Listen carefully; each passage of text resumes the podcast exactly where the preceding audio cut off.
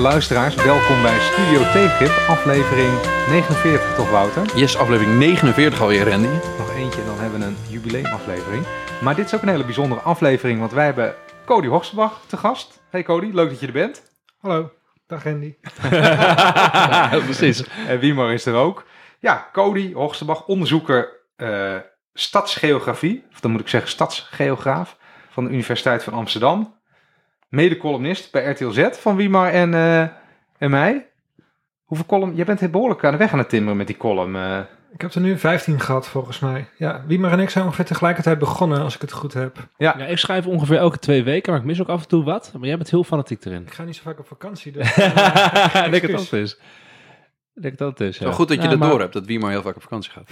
het- ja, nee, dat klopt. En eh, jij schrijft ook eh, columns, Randy. Nu een voor het minimumloon afgelopen week. Ja, Ja, maar ik, doe niet, ik kan niet zo vaak. Ik kan niet iedere twee weken. ja dat, eh, ik, vind, ik heb niet genoeg meningen het is wel lastig om elke twee weken te, te, te doen. Want je moet elke keer iets nieuws verzinnen. Ik probeer een beetje over alles te schrijven. En waar je achter komt is dat je niet zo goed kan peilen wat mensen een goede of een slechte column vindt, vinden. Tenminste, dat heb ik. Soms denk ik, nou, dit is best een aardig stukje. En die blijkt dan echt helemaal niet gelezen te worden. Soms denk ik, dit is slecht. Dat vinden dan mensen heel goed. dus ik weet niet of Ren en eh, Cody dat herkennen. Maar eh, Nou, er was ja, dus een, zeker. een groot filosoof die zei: als je een groot publiek wil, dan moet je je op idioten richten. Dus wat dat betreft kan een goede column ook een heel klein publiek. eh, welke Bereiken. filosoof was dit? Heet die Randy Martens of niet? Dat, dat is toevallig. maar heb jij, Cody, heb jij niet het gevoel, want iedere twee weken schrijf je ook. Ja, tot nog toe wel. Ja. Heb je niet het gevoel dat het vat dan aan meningen leeg raakt? Nou, tot nog toe zit er steeds wel wat in om te schrijven iedere twee weken. Maar ik had voorheen wel altijd iets op de plank liggen van als, ik dan niks, als er niks voorbij komt deze komende week, dan kan ik altijd nog hierover schrijven. En die stapel aan backup onderwerpen, die wordt wel steeds eh, kleiner. Dus op een gegeven moment wordt het eh, wel lastiger. Maar dan ga ik gewoon even op vakantie en dan... eh, Maar jij schrijft, jij schrijft de hele tijd over, echt over woningmarkt, hè? Ja, ik heb één keer geschreven over eh, academici die niet eh, zo vaak moeten vliegen naar conferenties. En dat Oh, was ja. mijn slechtste, Ja, slechtst gelezen column van, eh, Dus je moet een beetje... Is dat zo? van allemaal. Ja. Ik, heb, ik krijg nooit luister, eh, of luisteraantallen. Nee, we, hebben, we hebben denk ik allebei een soort check gehad van, van. Frederike Hegger, die ook trouwens ook een keer in deze eh, eh, podcast komt te zitten. Maar eh, over de, de, de cijfers van de, van de columns van het afgelopen jaar. En eh, je had ook zoiets van 35.000 of iets dergelijks was de, was de hoogste gelezen. Mij ging dat dus over box 3 en de belasting voor hu- op huizen. Eh, heel eh, Had je van tevoren niet zien aankomen? En ik had van tevoren, ik dacht echt, nou, dit is, dit heb ik misschien iets te snel geschreven. Dit is eh, niet, niet mijn meest geweldige column. Maar die, die, die, die ging geweldig, blijkbaar. Ja, Huizenmarkt, hè? Huizenmarkt. Thema, Ja, daarom. Daarom had hij zo Ja. goed gelezen, omdat hij wel eens over huizenmarkt schrijft. ik schrijf ook over andere dingen. Dat moet je, Nou. niet, over- moet je eigenlijk gewoon niet doen. Daar gaan we het natuurlijk vandaag ook over hebben. Het heetste thema eh, in de politiek nu, de woningmarkt, de dysfunctionele woningmarkt. Of eh volkshuisvesting eh, kunnen we ook, mogen we ook weer zeggen tegenwoordig, van het CDA. Maar voordat we daaraan gaan beginnen, hebben we altijd even traditioneel de gekte. En Wouter, jij wilt het even hebben over de Citrix-file. Nou, ik, ik denk dat niemand het gemist kan hebben eh, dat eh, er eh, op dit moment iets aan de hand is met een bepaalde applicatie die eigenlijk virtuele werkplekomgevingen biedt. Dat is heel saai. Maar toen was ik, hoorde ik vanochtend, mijn vrouw die zat eh, in de auto en die zei, Wouter, ja, het is zelfs op het file nieuws, want er staan in Nederland Citrix-files.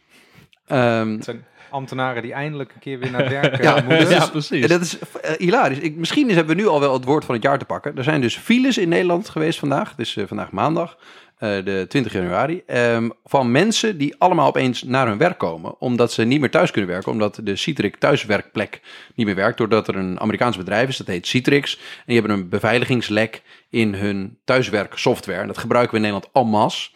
Ehm, eh, maar dat werkt allemaal niet meer. Dus alle mensen die thuis werkten of, of eh, twerken, zoals mijn vrienden en ik het wel eens noemen. Dat is thuiswerken, maar dan eigenlijk niks doen. Maar dit gaat dubbel plat. Zeg maar. En het ICT-systeem de- systeem ligt plat. En de files, de, de, de, de wegen liggen plat. Gewoon twee keer. Hilarisch, toch? Ja, ik dat kan het hilarisch noemen. Ik vind vooral wat Randy zegt eigenlijk wel grappig. Inderdaad, dat je ineens achterkomt dat er blijkbaar duizenden mensen in Nederland zijn die dan toch naar hun werk gaan. Nou, het grappige is zelfs dat er bij sommige, weet ik dan, ministeries werd opgeroepen om als je kon op een manier toch alsjeblieft niet naar je werk te komen. Dus als je nog iets te lezen had thuis, dan kom alsjeblieft niet. Over flexplekken. Dat ging natuurlijk Het, was, het werd namelijk Dat- gewoon te druk. Als iedereen Ja. naar zijn werk komt, kunnen we niet handelen. Nee, dat stuk. Alle ministeries zijn gewoon op ingericht dat er een groot gedeelte van de mensen niet naar het werk komt. Hè? Dat is een beetje hoe het, hoe het zit. Ze zal maar komen met een probleem. Nou, er waren zelfs ook nog grapjes over dat er bepaalde spookambtenaren die eh, eigenlijk weinig meer naar hun werk komen, dat die misschien nu wel weer zouden komen opdagen. Eh, omdat ze het echt niet meer konden uitleggen dat ze eigenlijk aan het uitwerken waren. Eh, dat het daar echt nog, nog drukker zou worden. Als iedereen op de UvA komt werken op de UvA, heb je inderdaad een probleem. Omdat er niet genoeg plekken zijn op de UvA. Ja. Hoe doen ze dat dan? Aan thuiswerken. Ja. Er zijn mensen die ook We altijd hebben thuis nog af en toe een boek te lezen, dus dan... eh, Ah, ja. Ik merkte vandaag ook dat op de Universiteit, Universiteit Leiden heeft ook eh Citrix, dat eh, vandaag waren onze plekken waren allemaal bezet. Dat is nooit op maandag. Maar dat komt eh, denk ik waarschijnlijk omdat eh, mensen toch maar op de universiteit eh, wilden gaan werken. Dus eh, het heeft Nou. gevolgen in onze levens dit. Ja. Dat zijn dan de rimpelingen in ons bestaan. Toch goed dat we het daar even over Ja, hebben. gehad. precies joh. Het gaat heel goed in dit land als dit is wat er Nou, misgaat. laten we het nu even over een echt probleem hebben. Wat nog niet zo goed gaat. De woningmarkt is weer een bruggetje. Wat Wauw. Wat een bruggetje, soepel. piepend en krakend. Gaan we een, heel, gaan we een plank over de sloot over nu. Eh Cody, misschien kunnen we ermee beginnen. Wat, eh, wat is, wat doet een stadsgeograaf? Een stadsgeograaf, goede vraag. Ehm, als stadsgeograaf onderzoek je de relatie tussen de mens en de ruimte. Dus, en de samenleving uiteraard. Dus er zijn ongelijkheden in de samenleving tussen arm en rijk. Of tussen mensen met eh, verschillende achtergronden. eh, tussen mannen en vrouwen. En dat zul je uiteindelijk ook ruimtelijk te zien krijgen. Bijvoorbeeld segregatie tussen arme en rijke wijken. Dus op die manier zie je hoe de samenleving, bestaande ongelijkheden worden geprojecteerd op de ruimte. Aan de andere kant maakt het nog uit waar je woont voor jouw leven. Dus als jij in de verkeerde plek woont, kan dat invloed hebben op jouw levenskansen in meer of mindere mate. Het heeft invloed op wie je tegenkomt in je dagelijkse leven. Het heeft invloed op de school waar je naartoe gaat, met wie je naar school gaat, ehm, hoe lang je naar je werk moet gaan. Dus ook de ruimte heeft ook invloed op mensen en daarmee op de samenleving. En die verschillende verbanden onderzoekt de geograaf op heel uiteenlopende manieren. Dus ik ben meer een cijfertjesman, dus ik kijk vooral naar de kwantitatieve verbanden. Maar je kunt ook, ehm, Gadverdamme, cijfertjes man. je kunt ook etnografisch een wijk ingaan en eh, die wijk langdurig bestuderen hoe mensen daar met elkaar omgaan bijvoorbeeld. Of hoe dat bepaalde spanningen opborrelen in een wijk. Dat zou een geograaf ook kunnen doen. Sterker nog, dat doen collega's van mij ook. Er zijn er ook collega's van jou die geen stadsgeograaf zijn, maar een plattelandsgeograaf of iets dergelijks. Bestaat dat? Jij doet alleen Nou, steden. ik zit aan de afdeling stadsgeografie, maar je hebt wel rurale geografie, is wel een Oh, ja. serieus vakgebied. Dus dan heb je het inderdaad over mensen die op het platteland eh, onderzoek doen. Of eh dorpcommunities. En je hebt aan onze afdeling ook een redelijk grote economische geografie afdeling. Dus dan heb je bijvoorbeeld over productienetwerken, productieketens van be- bepaalde goederen. Hoe zijn die ruimtelijk verspreid? En zie je dan knooppunten van, eh, van bepaalde producten. Dat zijn vaak ook weer de grote steden of de havensteden bijvoorbeeld. En wat, wat zijn, eh, ik heb eh, gezien dat jij eh, je eh, uit hebt gelaten over gemengde wijken en de, de voor- en nadelen daarvan. Mhm. wat, wat zijn verder zoal de onderwerpen waar, je, waar jij onderzoek naar doet? Waar ik persoonlijk onderzoek naar doe. Ja. Ik heb een proefschrift geschreven over gentrificatie in 2017 verdedigd. Inmiddels drie jaar geleden. Gentrificatie is de verjupping van binnenstadswijken, arbeiderswijken. En Is dat wat het letterlijk betekent? Sorry dat ik dan... Nou, dat is een beetje een eh, populaire beschrijving. Eh, Je kan er ook wel een academische beschrijving op loslaten. Maar de gentry, dat was Mhm. in de Britse samenleving een landenbezittende klasse die niet tot de adel behoorde. En als de gentry dan een wijk binnenkwam, dan ehm, werd die wijk snel duurder en moesten de mensen met een kleinere eh, portemonnee moesten plaatsmaken. Ah, Dus dat wist ik helemaal niet. Ja. gentrificatie heb ik onderzoek naar gedaan, woonbeleid, woningmarkt. Ehm, ik heb de afgelopen drie jaar ook onderzoek gedaan naar krimpproblematiek. dus in Zuid-Limburg en in mijn eh, geboortestad Maastricht neemt de bevolking af of Maastricht stabiliseert die. Nou ja, wat doet dat met een regio? Wat doet dat met bijvoorbeeld draagvlak voor voorzieningen zoals scholen, voor eh, sportclubs enzovoorts? En ehm, vanaf deze eh, maand, vanaf over ongeveer twee weken, ga ik drie jaar onderzoek doen naar beleggers op de woningmarkt. Dus mensen die pandjes opkopen om mee te speculeren en om te verhuren tegen vaak boekenprijzen. Ja, want je hebt recent een Veni Grant eh, gekregen. En ik ken dat eh, als niet-academicus zelfs. Dus het is een big deal. Dus Gefeliciteerd daarmee. Ja, dankjewel, erg blij mee. En dat, be- wat betekent dat voor jou? Dat betekent dat je de komende drie jaar, zeg je net, eh, helemaal je eigen agenda kan bepalen qua onderzoek? Ja, qua onderzoek maak ik de komende drie jaar min of meer mijn eigen agenda bepalen. Ik heb natuurlijk wel nog wat onderwijstaken, dus ik kan niet drie jaar verdwijnen. Ik moet zeker nog af en toe op de UvA langskomen om onderwijs te geven. Maar verder mag ik mijn onderzoeksagenda de komende drie jaar praktisch eh, zelf invullen. En voor mij persoonlijk maakt het uit dat ik nu ook een vast contract heb gekregen dankzij die Venibeurs. Dus dat, kan je eigenlijk eh, een huis kopen? is, in Amsterdam is een vast contract al lang niet meer voldoende. Kan ik even, want het is wel een interessante vraag. Want jij, eh, ehm, hoe komt het dat je die stappen hebt gemaakt? Eerst van gentrification naar inderdaad vervolgens krimpgebieden en dan naar beleggers. Want wat, wat, wat, wat waren de overwegingen? Want je kan ook gewoon bij eh, gentrification blijven. Daar blijven onderzoeken, maar dat heb je niet gedaan. Nou, het is wel leuk om een ander onderwerp te gaan aansnijden als je klaar bent met je proefschrift. En ja, je moet er ook niet te veel over denken. Dat krimponderzoek was gewoon omdat het net toen ik klaar was met mijn proefschrift, kwam deze driejarige plek voorbij. Dus het was gewoon heel opportunistisch gedreven eigenlijk. En toen moest ik een onderwerp gaan bedenken voor mijn Venibeurs. En die Venibeurs die worden altijd beoordeeld door hoogleraren. Maar dat zijn niet per se hoogleraren op jouw vakgebied. Dus ze weten Mhm. helemaal niet zoveel af van jouw vak. Ja, ja. En ik dacht, Mhm. beleggers, dat is veel nieuws geweest. Prins Bernhard, die heel veel pandjes bezit. eh Wiebren van Haga. Ik dacht, dat zal wel allemaal, dat zal ze wel allemaal een beetje bekend voorkomen. Dus dan denken ze, oh, dat is een belangrijk onderwerp. Daar heb ik iets over gezien in het nieuws. Dat is een Ja. sexy onderwerp. Ik dacht, daar kan ik ze wel mee overtuigen. Is dat zo simpel? Jeetje, dus ik- iedereen die nu luistert krijgt even gewoon een tip hoe je een Veni kan binnenhalen. Heel over nagedacht, denk hoor. Ik ook een hele goede aanvraag doen, los van eh, het schot in de roos qua Ja. onderwerp. Ik denk dat het onderwerp wat je kiest zeker ook wel een belangrijk eh, onderdeel ervan is. Het moet herkenning opwekken. Ze moeten ook denken van, oh ja, mijn, eh, mijn kinderen hebben misschien moeite om het huis te verlaten, omdat ze geen betaalbare Ja. woning kunnen vinden. Ja. Of, oh ja, ik heb zelf net een tweede of een derde pandje gekocht. Dus eh, ja, ik wil wel wat meer weten over die investeringsstrategieën. Of ik zit eraan te denken om dat te gaan doen.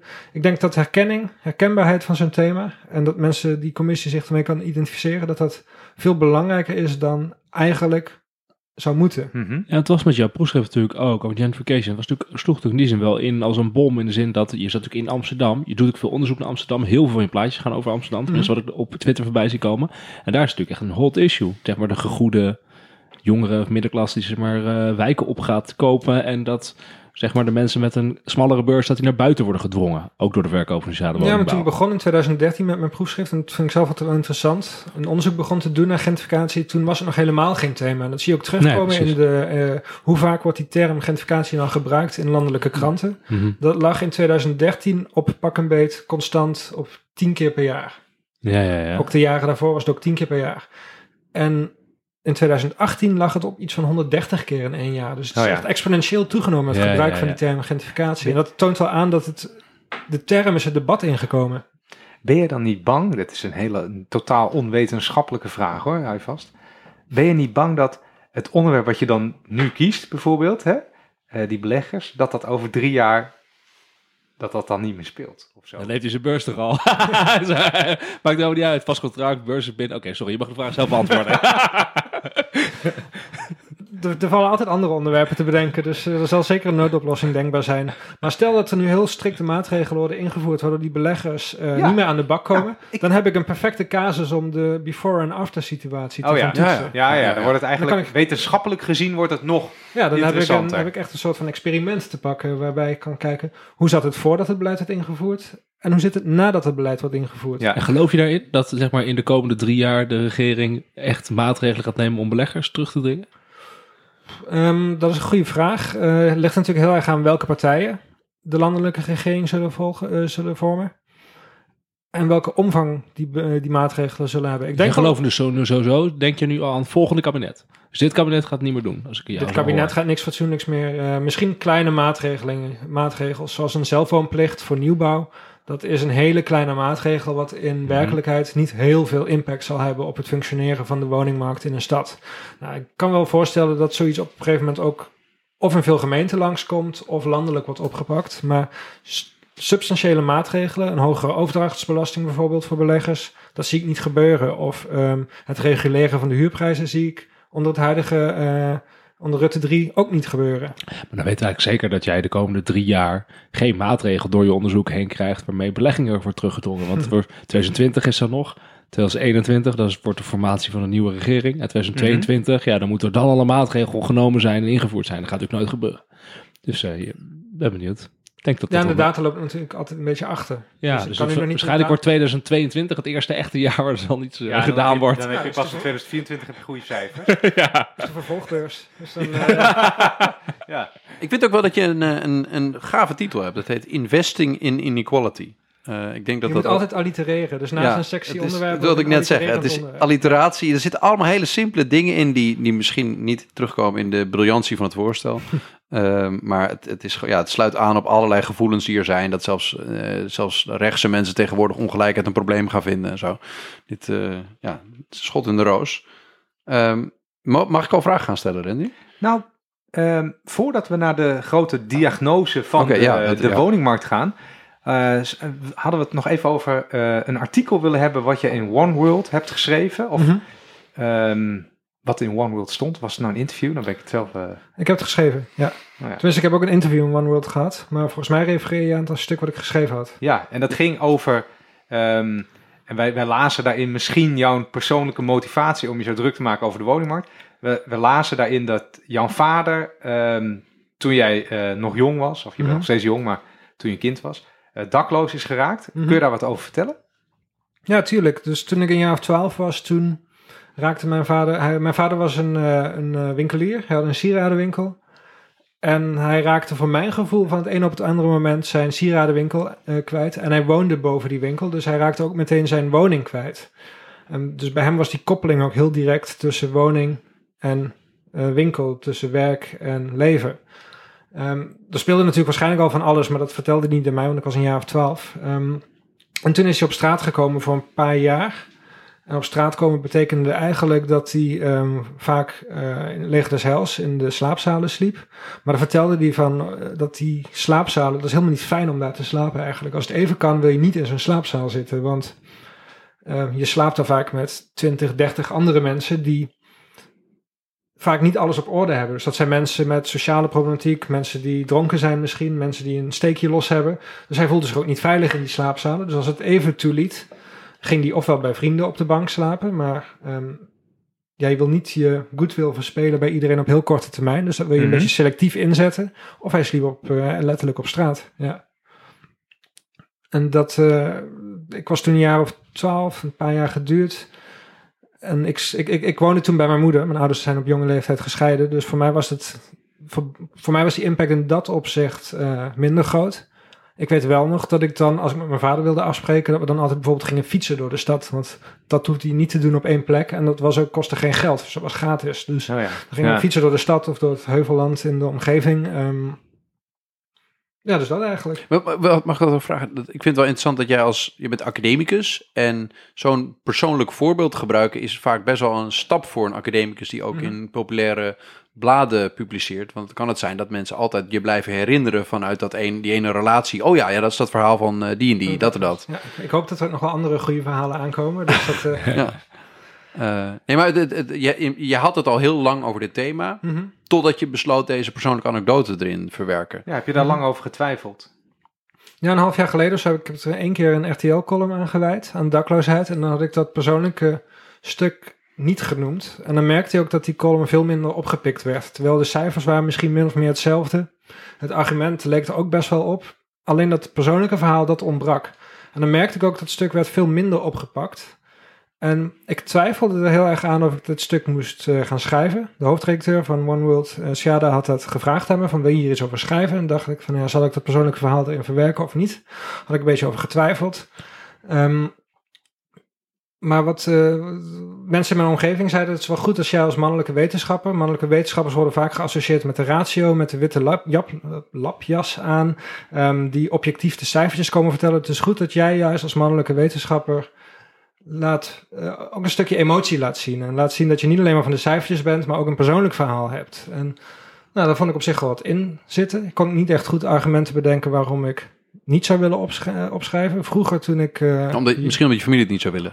nou, toen ik jong was, schaamde ik me er echt voor. Vertelde ik het ook niet. Dus veel van mijn vrienden uit Maastricht, nog steeds vrienden zijn, die wisten ook niet dat mijn vader dakloos was in die periode. Pas toen ze het One World Oké. stuk lazen, wisten ze dat. Toen kwamen ze naar me toe, nooit geweten. Ehm, maar ik, ik kon niet heel veel... eh, ik kon niet heel veel dingen bedenken waarom ik het niet zou doen. Want- het is, ja, je kunt inderdaad zeggen van, eh, is het eh, fair ten opzichte van mijn vader? Ehm, dat ik het vertel. Aan de andere kant, het is ook mijn verhaal. Het is ook, het is ook een verhaal wat, waar ik mee eh gedeeld heb. En het is ook een deel van mijn leven. Dus in dat opzicht denk ik dat het wel fair is om, Ja, het, ja. om het te doen. Want hoe heeft dat, hoe heeft dat jou als... Want het heeft een paar jaar geduurd, vertel je. Mhm. Nou, als je 12 jaar bent, is dat echt, echt eh, dus 12, 13, 14, is dat echt lang, een groot deel van je leven. Hoe heeft dat, hoe heeft dat jou beïnvloed eh, toen? En wat heb je er misschien ook eh, van geleerd?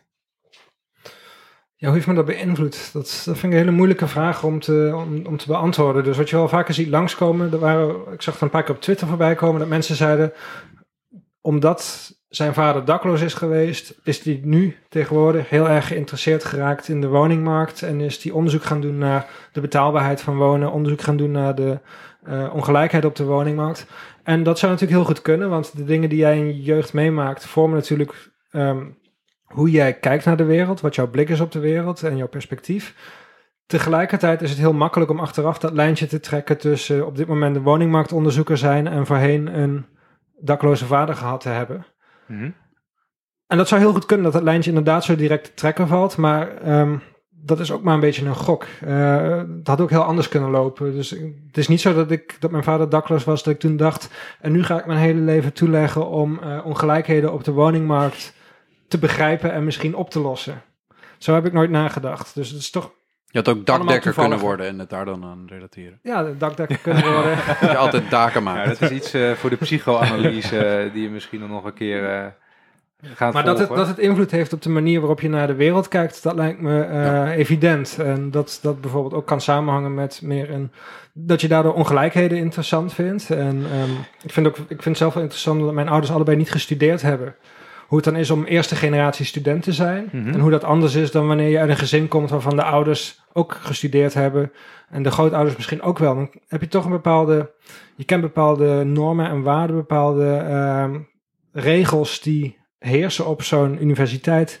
Ken je niet. Bepaalde omgangsvormen met andere hoogleraren, of met, met hoogleraren moet ik zeggen. Um, dat is als je eerste generatie student bent, is dat denk ik veel meer een zoektocht dan wanneer je ouders zelf gestudeerd hebben of zelfs misschien zelf hoogleraar zijn. Nou, dat denk ik ook wel. Ik denk ook dat mensen hele andere studies kiezen. Dat lees je ook vaak dat. Uh, Zeker, eerste generatie studenten kiezen vaak uh, meer economie, bedrijfskunde. Ja. En minder vaak de sociale thema's.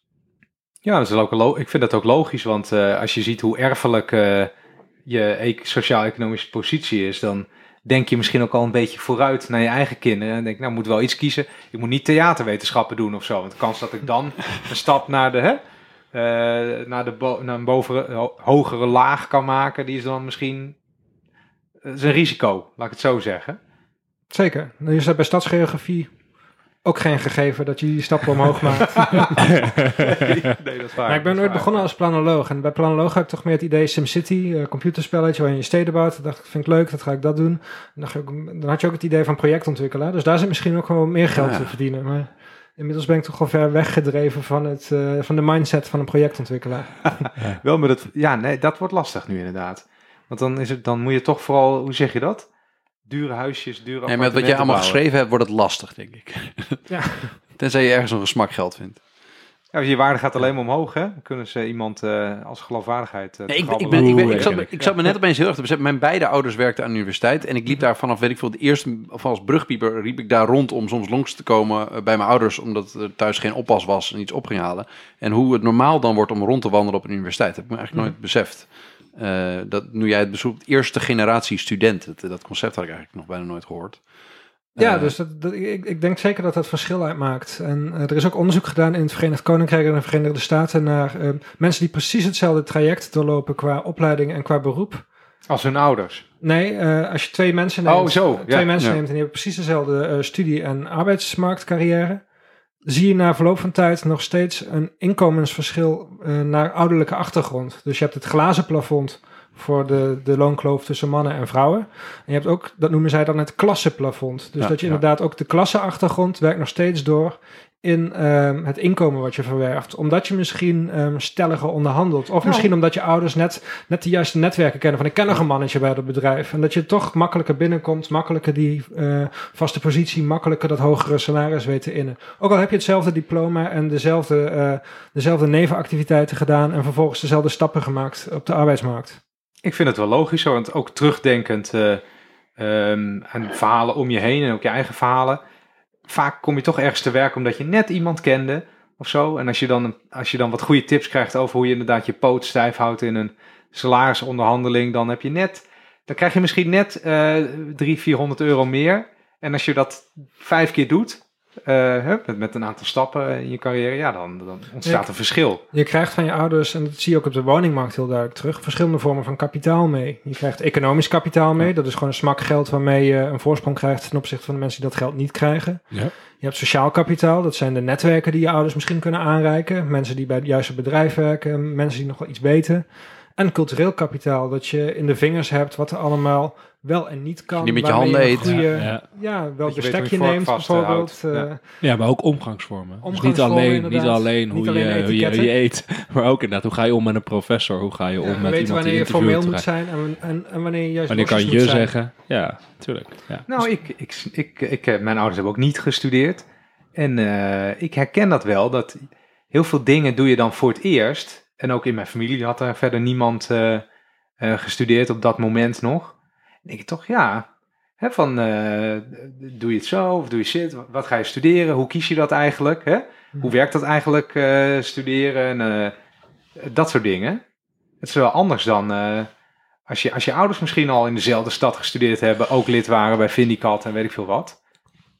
Dat kreeg, eh, Wouter die maakt een soort never nooit niet eh, gebaar. ja. Nee, zeker. hey, we zijn een beetje, je zei ongelijkheid eh, en de woningmarkt. Komen, we- zijn we, al- komen we nu een beetje bij de, de analyse van wat er, wat er aan de hand is op de woningmarkt. Wouter, jij wilde een vraag eh, Oh ja, nee, stellen? we, we, we, we kwamen net al. Kijk, je kunt bij de woningmarkt kun je een soort van diagnose maken van wat er allemaal aan de hand is. En als ik jou eh, eh, al een hele tijd volg, zijn er heel veel dingen waar jij je, je aandacht op vestigt. En ik had eigenlijk gewoon een hele lijst met dingen waarvan. Dus het, Mhm. eh, de toename van het aantal daklozen, ehm, eh, het percentage van hun inkomen dat mensen aan wonen kwijt zijn, dat dat toeneemt. Eigenlijk een beetje de algehele ongelijkheid van. Eh, eh, die we in de samenleving hebben door de manier waarop we onze woningmarkt hebben ingericht. Mhm. Ehm, ik ben wel benieuwd waar jij het meest, eh, laten we zeggen, over opwint. Als je dan gewoon een keer Cody bent die s'avonds op de bank zit. Van wat denk je dan van, nou, hoe hebben we dit in godesnaam zo kunnen inrichten?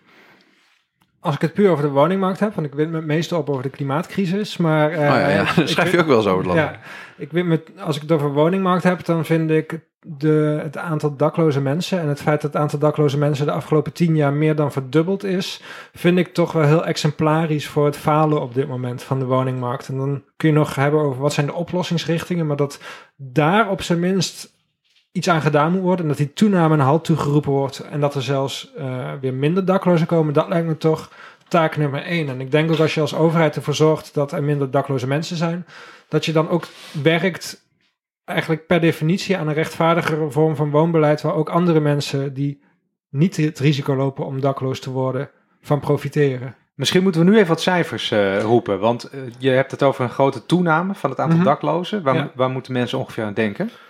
Nou, ehm, CBS registreert het aantal dakloze volwassenen en kwam in 2018 tot 40.000 dakloze volwassenen. En dat is meer dan een verdubbeling ten opzichte van 2009. Nu weten we dat er ook bijvoorbeeld, eh en volwassenen is, dan hebben ze het over de leeftijd 18 tot 65. Nou, we weten ook dat er minderjarigen in de dakloze opvang zitten. We weten ook dat er 65-plussers dakloos zijn. Ehm, en we weten dat geregistreerde dakloosheid, dakloze mensen is natuurlijk wel bij uitstek een groep die zich moeilijk laat registreren. Dus we weten dat dit nog een onderschatting is van de werkelijke omvang van het probleem. Ehm, andere cijfers hebben het over zo'n 70.000 dak- en thuislozen. Er zijn ook mensen die bijvoorbeeld gebruik maken van begeleid of beschermd wonen. Bijvoorbeeld als je het hebt over vrouwen die half, hals over kop met het kind het eh, huis moeten verlaten omdat de man agressief is. Dat zit daar volgens mij ook tussen. En hoe verklaar je dat er nu ineens zo'n aandacht voor is? Want Dat- ik bedoel, van tien jaar, je ziet al tien jaar dat het fout gaat. Hè? Dat er tien jaar is de trend meer daklozen. En waarom is het dan nu ineens zo'n enorm ding? Ik schrijf dat ook in het One World artikel, dat ehm, toen deze cijfers naar buiten kwamen, had je Paul Blokhuis, staatssecretaris van de ChristenUnie, die zei, ik, die was geschrokken door het aantal daklozen Ja. en die toename. En dat, dat moet wel gespeeld zijn geweest, die schrik. Dat, ja, dus natuurlijk als, Ja. poli- als politici zich schrikken is meestal niet oprecht. Je hebt een heel Ja. apparaat van mensen die de hele dag cijfers voor jou kunnen uitzoeken. ja. Dus, want we wisten inderdaad, hiervoor waren de cijfers tot 2016 en toen Ja. was die toename nog geen verdubbeling, maar was plus 75% volgens mij. Dus Ja, het ja. komt Ja, ja. allerminst als een verrassing. Dus waarom op dit moment dat er nu wel opeens heel veel aandacht voor is? Ik denk enerzijds die verdubbeling, dat spreekt wel tot de verbeelding natuurlijk, meer dan 75% erbij. En anderzijds omdat het ook wel past binnen dat raamwerk van eh, er is een wooncrisis. We moeten ons zorgen maken over de woningnood. Want Ja. Er is, ook al voordat die cijfers over dakloze mensen naar buiten kwamen van, C- eh, van het CBS, was er al steeds, steeds en steeds meer aandacht voor die toename van, eh, van de wooncrisis. Ja, ik heb het gevoel dat twee dingen meespelen dat het opeens, hoe zeg je dat, van, van eh, nou, sluimerend naar echt Mhm. belangrijk ging. Eh, dat er ook steeds meer eh, sprake is van extramuralisering in de, in de GGZ. Ja, zeker. Eh, betekent gewoon dat je buiten de mu- extramuralisering betekent volgens mij gewoon buiten de muren.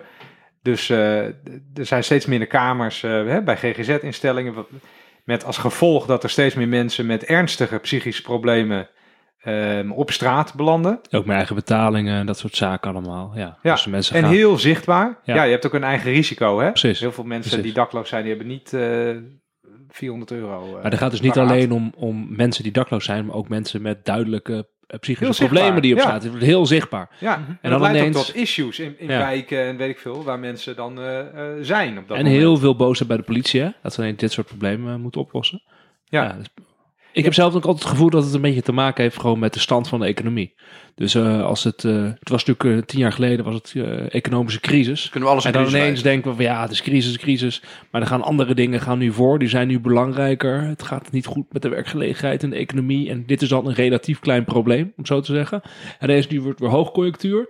En ineens denken we, oeh, sociale rechtvaardigheid. Dat is echt nu echt een groot probleem. Hè? Dan ineens gaan we ons heel erg zorgen maken over de toename van flexcontracten en dakloosheid. Dat soort dingen allemaal. Terwijl ik denk, ja, dat was een paar jaar geleden ook al zo. Maar het is nu gewoon welvaart. En ineens denk je, ah, dit loopt eigenlijk behoorlijk uit de hand. Hè? Je hebt het wel eens gezegd van, ehm, in een van, je, een van jouw columns, van... ehm, Hij wijst nu naar als Randy. het, ik wijs naar Randy, van als het met hoogconjunctuur nog steeds niet opgelost wordt, hè, dat het ging over lerarentekort, wa- wa- wanneer wordt het dan wel opgelost? Hè? Ja, ja, Het is, het is ook van de zotte dat het gewoon door blijft toenemen. Het is niet dat het stabiliseert het aantal dakloze mensen. Nee, Die toename gaat gewoon door. Gaat gewoon op ongeveer dezelfde snelheid door als in de periode van de crisis. ja, Dus ook, want die cijfers worden bijgehouden vanaf 2009. Nou, 2009, 2013 zag je een flinke toename. Nou, 2013, 2018 zie je een soort gelijke toename. Denk je ook niet dat er een... eh, je hebt nu dat tijdelijke huurcontract. Mhm. Eh, voor de luisteraar, dat eh, in, de gelibera- in het geliberaliseerde huursegment kan je dan een tweejarig huurcontract afsluiten. En dat, eh, dat loopt dan gewoon af na twee jaar. Dat eindigt dan van rechtswege, zoals het heet. Dus je hoeft geen reden te hebben, het stopt gewoon. En dan moet iemand dat huis verlaten. En heel veel mensen kunnen dan op dat moment, kan ik me voorstellen, eh, door omstandigheden nieuw- geen nieuwe woning Mhm. vinden of de hogere prijzen niet zich veroorloven. Is dat niet een soort katalysator voor dakloosheid? Nou, de, wetenschappelijke, het wetenschappelijke antwoord is dat het niet onderzocht is. In hoeverre de introductie van tijdelijke contracten bijdraagt aan dakloosheid.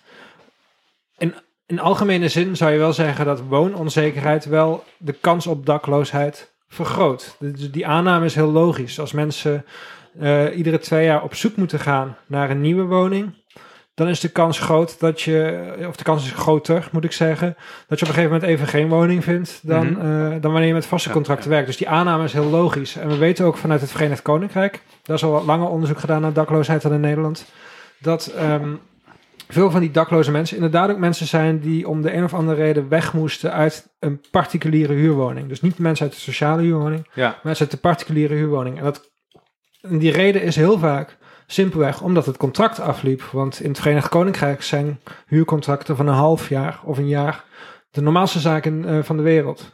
Ja. En volgens is het een probleem, want de mensen komen uit de particuliere sector en de sociale huur kunnen ze niet inkomen. En Ja. dan moeten ze iets nieuws vinden. En waarschijnlijk is het een plek waar ze dan, dan weer particulier huren, want kopen kunnen ze niet, waarschijnlijk. Ja, en de waarschijnlijk, positie. waarschijnlijk zijn ze ook geneigd om gewoon alles te accepteren wat eh, langskomt. Dus Ja. waarschijnlijk ook weer iets opnieuw, iets wat onzeker is, misschien net te duur, Ja. misschien wat niet een hele goede prijs-kwaliteit verhouding biedt. Dus, eh, dus je ziet ook Toch- dat woononzekerheid reproduceert woononzekerheid. Dat eh, Ja. heeft de Amerikaanse socioloog Matthew Desmond ook echt eh, heel mooi beschreven in een adembenemend boek, Evicted. Dus als ik, als ik jullie en jullie luisteraars één boek zou aanraden, is het Ja. echt Evicted van Desmond. Die zetten Ja. we even in de show notes. Want, Maar je zou het ook kunnen zeggen van, eh, er zijn gewoon veel te weinig woningen. Dat is het grootste probleem. Niet de tijdelijke huurcontracten van Randy, maar er zijn gewoon veel te weinig woningen. Ja, ik denk inderdaad dat er meer woningen bij moeten komen. Ja, daar ben ik het helemaal mee eens. En Ja, hoe- Mag ik misschien, Oh. maar daar wilde ik wel wat over vragen. Want ik heb het gevoel dat veel mensen die eh, dit ook waarnemen, maar er andere conclusies aan verbinden, ehm, dan wat wij misschien geneigd zouden te doen. Namelijk, ehm, het is onuitlegbaar dat de economie jaarlijks immens groeit en we overschotten hebben op een overheidsbegroting. En alsnog een stijgend aantal mensen dat wij geen dak boven het hoofd kunnen geven. Dat is gewoon niet uit te leggen in, eh, in het rijkste land van de wereld. Zijn er ook mensen die zeggen, ja maar migratie, ja maar gezinssamenstellingen veranderen, ja maar er zitten zoveel eh, eh, andere vragen die we aan de woningmarkt stellen, bijvoorbeeld rond verduurzaming. En ehm, we, eh, het lukt ons niet om genoeg te bouwen. Dus er zijn hele goede redenen eh, om die toename in aantal daklozen te verklaren. En laten we die eerst maar eens aanpakken en dan zien we daarna wel meer. En daarnaast heb je nog de groep die in mijn ogen een wat lugubere vorm van neoliberalisme aanhangen. Waarbij er gewoon verliezers nodig zijn. Wat, wat, zeg jij tegen iemand zegt van nou, er zijn heel veel andere redenen die, eh, die dat verklaren. En eh, laten we dat eerst maar fixen. Ik denk als je gaat zoeken naar de verklaringen voor eh, dakloosheid, dat je. ehm, nou, ik, geloof niet zo in die individuele verklaringen van individueel, individuele schuld of individueel falen. En zelfs wanneer je eh, heel veel dingen verkeerd hebt gedaan, behoud je gewoon het recht op een betaalbare woning. Dat ten eerste.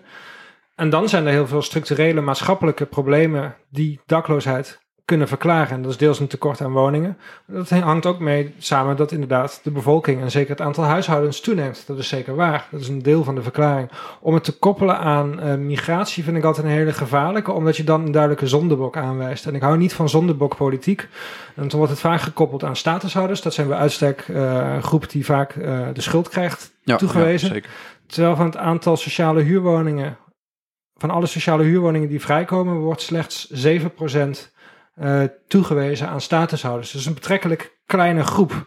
Dat is ongeveer 15.000 eh, huishoudens per jaar. Ja, en die piek van 2018 en zo, die is al best wel weer eh, aan het afnemen. Dus ook dat percentage, het zal alleen maar minder worden. Ja, en die 15.000 woningen. ehm, een paar jaar geleden werden er gewoon ieder jaar 30.000 coöperatiewoningen bijgebouwd. En nu dus 15. Dat is echt. En nu worden er 15.000 bijgebouwd. Dus dat is ook een halvering van de nieuwbouw van coöperatiewoningen. Hakt er wel op in, volgens mij. En daar kan, kan Randy over meepraten. Ja, moeten we, moeten we even voor full disclosure zeggen dat ik een soort corporatie-lobbyist ben, of niet? Nou, is bij deze het niet gezegd. Bij deze gezegd. Mensen kunnen ook wel op LinkedIn vinden waar jij werkt. Ja, ja, dat is ook geen geheim, maar weet je, dat is altijd goed om te zeggen. Had ik je niet mogen outen? Hè? Nee, nee, nee, maar we, de, voor- we hebben één keer eerder een podcast over de woningmarkt gemaakt. En toen heb ik het wel... Onze het best beluisterde eh, aflevering trouwens. Ja, inderdaad. Dus het onderwerp is eh, heet. Toen heb ik het wel gezegd. Ik heb toch, weet je, ik heb altijd het gevoel. Jij zei net ook van. eh, of nee, we hadden het bij de voorbespreking over eh, Twitter. En jij twittert ook eh, heel veel. en heel goed. Maar dan ben je ook wel eens heel scherp. En dan, dan, zou, dan zou dat een beetje. Hoe zeg je dat? Misschien af kunnen doen aan hoe je gepercipieerd wordt als onafhankelijke wetenschapper. En ik heb dat dan andersom. Dat ik als, als eh, belangenbehartiger gepercipieerd word alsof ik dingen verzin die dan je- goed ja. zijn voor het belang dat ik Er hangt behartig. gewoon een stigma rond lobbyisten. Ja. Maar ik, ik, ben, ik, ik, ben, ik ben een onafhankelijke wetenschapper, laat dat voorop staan. Ehm, maar onafhankelijk betekent niet Ik ben per se niet een dat lobbyist je... die dingen verzint. Ben je niet per se een neutrale wetenschapper. Oh ja, ik denk dat ja, iedere wetenschapper handelt vanuit een... Of, of- en ook vragen stelt en eh, eh, data interpreteert vanuit een bepaald kader. Vanuit een bepaald eh, politiek-ideologisch perspectief. En dan denk ik juist dat het heel scherp is als wetenschapper... dat je daar vrij open over bent. Wat Dan- is jouw kader? Nou, ik sta toch wel aan de eh, linksere kant van het politieke spectrum. En ik geloof ook in volkshuisvesting als een ideaal. En volkshuisvestelijke tradities passen heel goed bij de sociaaldemocratie bijvoorbeeld. Ehm, maar je hebt ook heel veel wetenschappers die doen alsof zij neutraal zijn en boven het debat verheven zijn en objectief even antwoorden komen geven. Maar dat zijn, dat zijn vaak helemaal geen objectieve antwoorden. Dat zijn an- antwoorden die vanuit een bepaald denkkader geformuleerd zijn. Ja, ik herken dit heel erg. Dit gebeurt heel vaak. En als je die mensen dan op aanspreekt, dan word je terug aangevallen alsof jij hem nu een politieke kleur probeert te geven. Volgens mij heb je Dat binnen economen vooral heel veel. Nou niet alleen bij economen, maar dat klopt ook bij, eh, bij economen. Maar op zelf vind ik jouw punt van, hey, dakloosheid is aan het verdubbelen en dat is verschrikkelijk en daar moeten we wat aan doen. Het gaat de verkeerde kant op. Is ook heel logisch. Dat hebben we in Nederland ook gewoon een grondwettelijk artikel. We hebben net er even opgezocht, artikel Ja, 22 was het, hè? 22. Dus ja. dat eh, er een... eh, Weet je ook nog wat er precies stond? Dat ja, was wel een mooie formulering. Zorg dragen. ehm, Ja, ik weet het niet. Ik vraag het wel, maar ik ben het even kwijt. Ja, ik heb gewoon het internet voor mijn neus. taak maar, tot eh, zorg dragen Oh, ter voldoende 2 voor 12, eh, huisvesting Wouter, heeft Wouter heeft het Volkshuisvesting. Bevordering van voldoende woongelegenheid Ja, ja. is voorwerp van zorg der overheid. Ja, en als dat het grondwetartikel is, is de vraag of het nu de goede kant op gaat. En dat hoef je dan, dat is er geen, geen wetenschappelijke eh, of politieke voorkeur, is gewoon van, houdt de overheid zich aan de grondwettelijke taak? Ja. Dat is eigenlijk de vraag. En dat, is ook, dus, dus dat heeft een jurist me wel eens laten uitleggen. Die zei, de overheid heeft de plicht van progressieve realisatie. Dat betekent dat de overheid eh, moet zich hier aan houden. Moet zorgen voor voldoende eh, degelijke en betaalbare huisvesting voor iedereen. Maar er is ook wel een soort van realisatie dat de overheid kan het niet, als je dat vandaag zegt, morgen voor elkaar hebben. Dus dat betekent progressieve realisatie. betekent dat de overheid op zijn minst stappen in de goede richting moet nemen. Maar we zijn nu al tien jaar bezig met degressieve realisatie. Oftewel, Ja, het wordt nu slechter, nu slechter, slechter, slechter. Het hè? gaat nu al Dus, minimaal tien jaar de verkeerde kant op. ja. Daarvoor Dus stel je nou voor dat eh, Blokhuis, die is nu is echt geschrokken. En die, nu denkt de regering, en daar heb je nog geen vertrouwen in. Echt Jij denkt dat wordt de volgende regering, Mhm. de volgende kabinetsformatie. Die gaan dan volgens echt wat doen aan de woningmarkt. Wat volgens mij hartstikke moet. Dat betekent dat je waarschijnlijk nog jaren op deze verkeerde weg gaan doorploeteren bent. Voordat je een omslag kan krijgen. Ja. Dat is wel zorgelijk. Ja, dat is natuurlijk inherent aan de woningmarkt, is dat het grootste gedeelte staat er al. Dus alle ingrepen die je doet zullen relatief klein zijn. Je kunt bouwen wat je wilt, maar alsnog het overgrote merendeel van de woningen staat er al en zal er de komende jaren nog wel blijven staan. En als je nu begint met een plan maken, eh, duurt het nog jaren voordat het daadwerkelijk dat die woningen er daadwerkelijk staan. Dus al die plannen die je maakt gaan Mhm. nog heel langzaam. Dus je hobbelt altijd op de, achter de feiten aan. Dat is op dit Ja. moment op de woningmarkt eh, zeker het geval. Maar die- kan, er zijn toch ook heel veel dingen die je ehm, nu kan doen. Mhm. De- sowieso misschien even eerst gezegd hebbende. Ik vind het, ik vind het vreemd en ook, slecht dat de, dat de huidige kabinet eh, benaderd wordt alsof het logisch is dat zij de problemen die er nu zijn, hè, maar Niet even, oplossen. Even, ja, even aankijkt en eh, even rustig zien hoe de wereld zich ontvouwt. Terwijl iedereen die er verstand van heeft, die is ervan overtuigd dat er bepaalde dingen moeten gebeuren op de woningmarkt. En dit kabinet neemt de houding aan, laten we nog maar eens een onderzoekje doen. Eh, dus daar wil ik even tegen ageren. En nou ben ik mijn tweede punt kwijt. Nou, volgens mij is het eerste punt. Je hebt nu inderdaad, dat noemen ze dan in wetenschappelijke termen, een paradigmawisseling nodig. Hè? Dus, want Mhm. dat is natuurlijk interessant. Hè? Het veranderen van de woningmarkt ten goede, dat gaat inderdaad heel langzaam. We nu blijkbaar eh, het, het verneuken van de woningmarkt, het verknallen van de woningmarkt, gaat best wel snel. Want daar kun je ik het eigenlijk ook doen. even over hebben. maar ja, Oh ja. wat is er na 2008, dus na, vol- volgens mij is vooral na de uitbraak van de crisis, is er allerlei beleid ingezet, of eh, misschien niet uitgevoerd beleid, eh, waardoor het slechter is geworden. Het lijkt me wel goed om dat even door te nemen met elkaar. Wat is er gebeurd in de afgelopen tien jaar?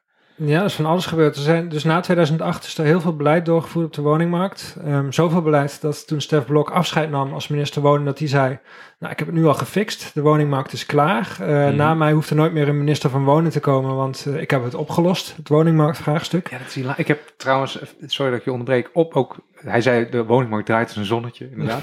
en ik had laatst even opgezocht wanneer hij dat nou heeft gezegd, maar dat is dus eind 2017 17. nog. Terwijl het was gewoon, de Titanic zat, eh, zat, zat een meter voor de ijsberg, zeg maar. Ja, precies.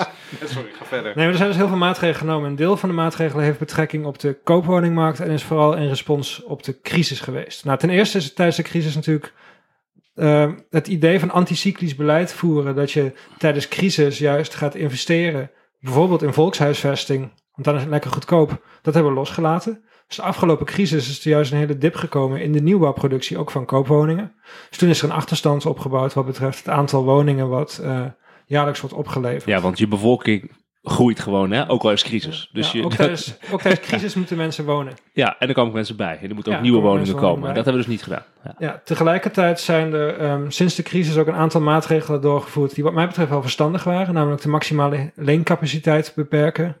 Ehm, Dat is voor eh, hypotheken, toch? Ja, dus de, de, de maximale hypotheek die je kunt krijgen is lager geworden. En die was in Nederland ook wel gigantisch hoog. Nederland is Europees hypotheekschuldenkampioen. En mondiaal is er zelfs geen enkel land, alleen Australië, waar de hypotheekschuld per hoofd van de bevolking eh, hoger ligt dan in Nederland. En wat betekent dat nou? Hoe meer hypotheekschuld je op je kan nemen, hoe meer geld je ook gaat uitgeven. Want het is ook gewoon echt monopoliegeld. Je gaat naar de Ja. bank en die zegt je kunt 4 ton lenen. Dan ga je kijken, je wat kan ik Je hebt krijgen geen voor 4 idee ton? wat je doet. Ja, dus je doet maar wat. Eh, en dat drijft die prijzen heel erg op. Dus hoe meer geld je kunt eh, lenen, dat wordt allemaal vertaald in hogere woningprijzen.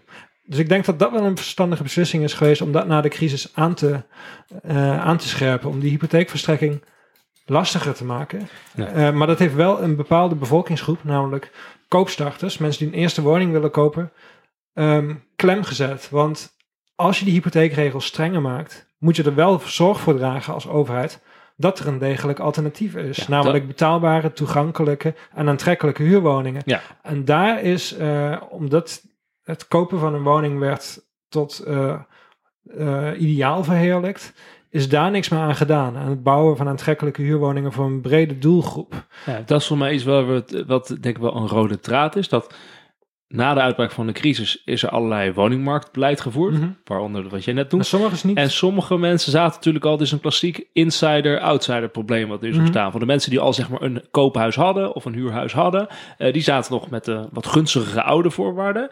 En de nieuwe generatie, nu koopstarters, maar ook gewoon natuurlijk jongeren die een huurwoning willen hebben, Mhm. die zitten ineens tegen de, de zwaardere voorwaarden. Mhm. Dus je, je krijgt daar een, een soort scheiding. Ja, dus ik denk dat het invoeren van strengere hypotheekeisen aan zich een hele goede maatregel was. Maar had die wel gepaard moeten laten gaan met een, eh, het ontwikkelen van aantrekkelijkere huuralternatieven en meer huur, huuralternatieven. Want nu zet je een hele generatie zet je, ehm, klem en die laat je ofwel langer in het ouderlijke huis wonen.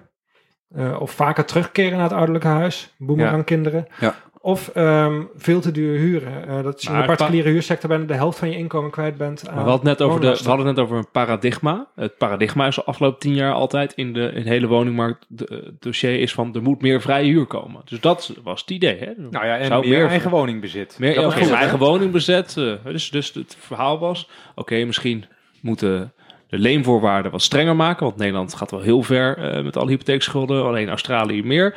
Eh, crisis is geweest, dus het wordt minder. Maar dan zou de, de particuliere huurmarkt zou de Maar oplossing het is goed om even te constateren dat die hypotheeknormen, die zijn natuurlijk alleen strenger gemaakt voor nieuwe mensen.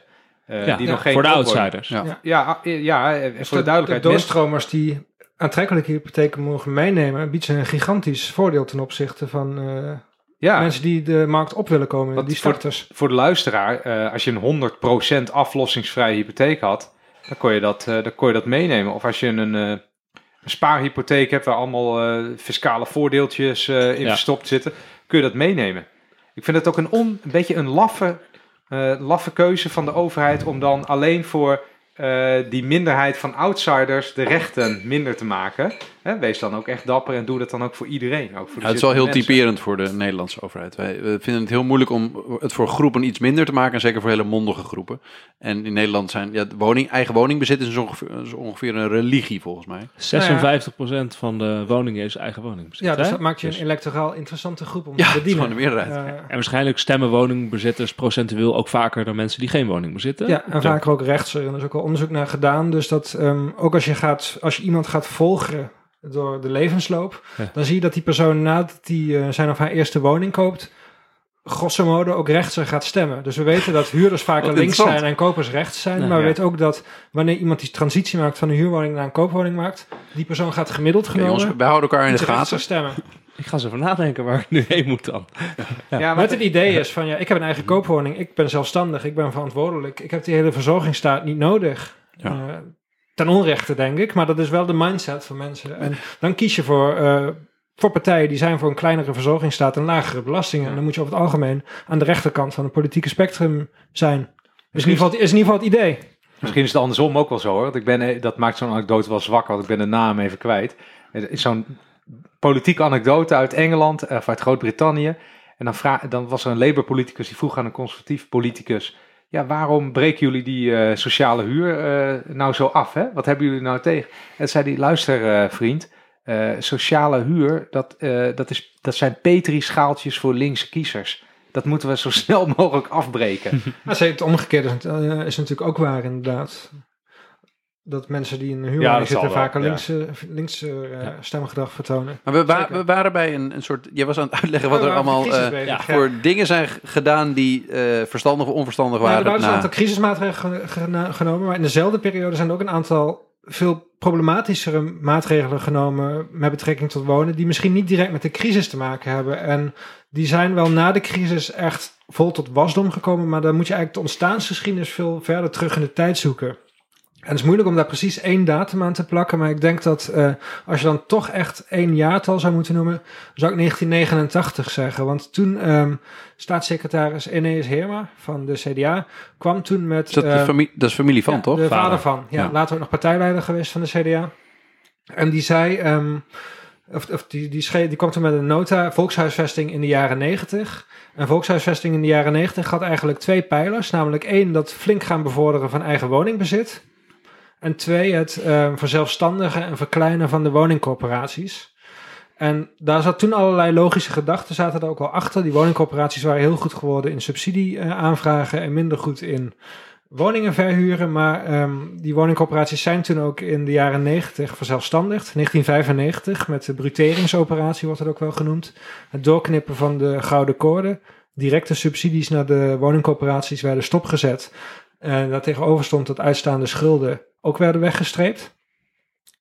Ehm, nou, en dat, toen werden ook onder het denken van, onder het nieuwe marktdenken eh, en woningcorporaties moesten zich als een marktpartij gaan gedragen, werden de oude volkshuisvesters, in, in truien vaak, werden vervangen door eh, snelle jongens in pakken. Dus de truien werden vervangen door de pakken. En de pakken gingen, eh, ehm, die gingen projectjes ontwikkelen en die gingen eh, risicovoller met hun geld om. En die gingen eh, in derivaten op een gegeven moment eh, investeren of speculeren. En dat heeft bijvoorbeeld woningcorporaties. eh derivatenspeculatie door Vestia heeft uiteindelijk de corporatiesector 2 miljard euro gekost. Ehm, tegelijkertijd was dus vanaf eind jaren 80 was het idee er moeten minder corporatiewoningen komen en er moeten meer koopwoningen komen. En ook die corporatiewoningen moeten, daarvan moeten de huren genormaliseerd worden en die moeten zich meer als een markthuur gedragen. Nou, ik denk dat daar eigenlijk de zaadjes zijn geplant voor de latere crisis. Want um, zo ga je die woning, die coöperatievoorraad gaat beperken, kleiner gaat maken en ook de doelgroep van die corporaties, wie mogen een coöperatiewoning huren, als je dat kleiner gaat maken, dan maak je een steeds minder aantrekkelijkere voorraad die een steeds kleinere doelgroep gaat bedienen. Waardoor ook de maatschappelijke steun voor die corporaties kleiner wordt. Waardoor mensen denken van ja, die sociale huurwoningen die zijn er niet voor mij. Waarom zou ik dat stimuleren? Waarom zou ik dat ondersteunen? Dus volgens mij is dat heel belangrijk geweest. En kwamen er net voor de crisis, kwamen er een aantal van die schandalen, of tijdens de crisis kwamen er een aantal van die schandalen naar buiten. Vestia noemde Ja, die ik. Maseratis en De zo. Maserati van Mullenkamp, van Rochdale. En ook de, eh, de SS Rotterdam, het cruiseschip van Woonbron of Woonstad in Rotterdam. Ik Ja. vergeet altijd de wooncorpora- woningcorporatie welke nou precies was. Die misstanden zijn aangegrepen door de politiek destijds als een window of opportunity. Dus er lag al heel lang beleid op de plank om die corporaties een kopje kleiner te maken. Want dat, lag, dat paste gewoon naadloos binnen het idee wat ze hadden van meer markt, meer eigen woningbezit en minder gereguleerde huur. En toen zijn er, omdat dus de maatschappelijke steun voor die corporaties veel minder was geworden, omdat er werd gedacht van ja, die corporaties die moeten ook wel even flink gestraft worden voor hun wandaden. Toen is er allemaal beleid ingevoerd wat uh, op dit moment bijdraagt aan die wooncrisis. Dus verhuurderheffing is een heel duidelijk voorbeeld. De verhuurderheffing kost de corporatiesector inmiddels bijna 2 miljard euro per jaar. Um, Wat is precies de verhuurdersheffing? Dat is misschien voor luisteraars. Over iedere sociale huurwoning. Een sociale huurwoning is een gereguleerde huurwoning met een huur tot uh, 734 euro. Zoiets. Zoiets. Ja. Um, moet een bepaald bedrag gebaseerd op de onderliggende woningwaarde betaald worden. Dus gewoon extra belasting. Dus um, een collega van mij, uh, Johan Konijn, indirecte collega, die zegt: uh, wie heft er nou belasting over sociale huurwoningen? Geen land ter wereld doet dat. Ja, Nederland wel dus. Nederland is het enige land ter wereld dat echt nog extra belastingen heft over sociale huurwoningen via die verhuurderheffing. Ja, wat er een beetje interessant wat er gebeurd is met de sociale eh, woningbouw, met de corporaties, Mhm. is eigenlijk een beetje wat er eh, in Europees niveau, niveau met de Grieken is gebeurd. Een beetje een corporatie een beetje de Nederlandse Grieken. In de zin van, Griekenland heeft natuurlijk ook, staat ook onder schulden en is heel hard aangepakt in Europa. Dat is eigenlijk het binnenlands die met de corporaties gebeurt. Want inderdaad, eh, je hebt niet alleen een verhuurderheffing, maar natuurlijk ook gewoon van een enorme eh imagoprobleem door alle schandalen die je net noemt. Financieel eigenlijk een, bij een implosie van een paar hele grote corporaties. Dus je kan als politiek ook dwingen om bezit te gaan verkopen.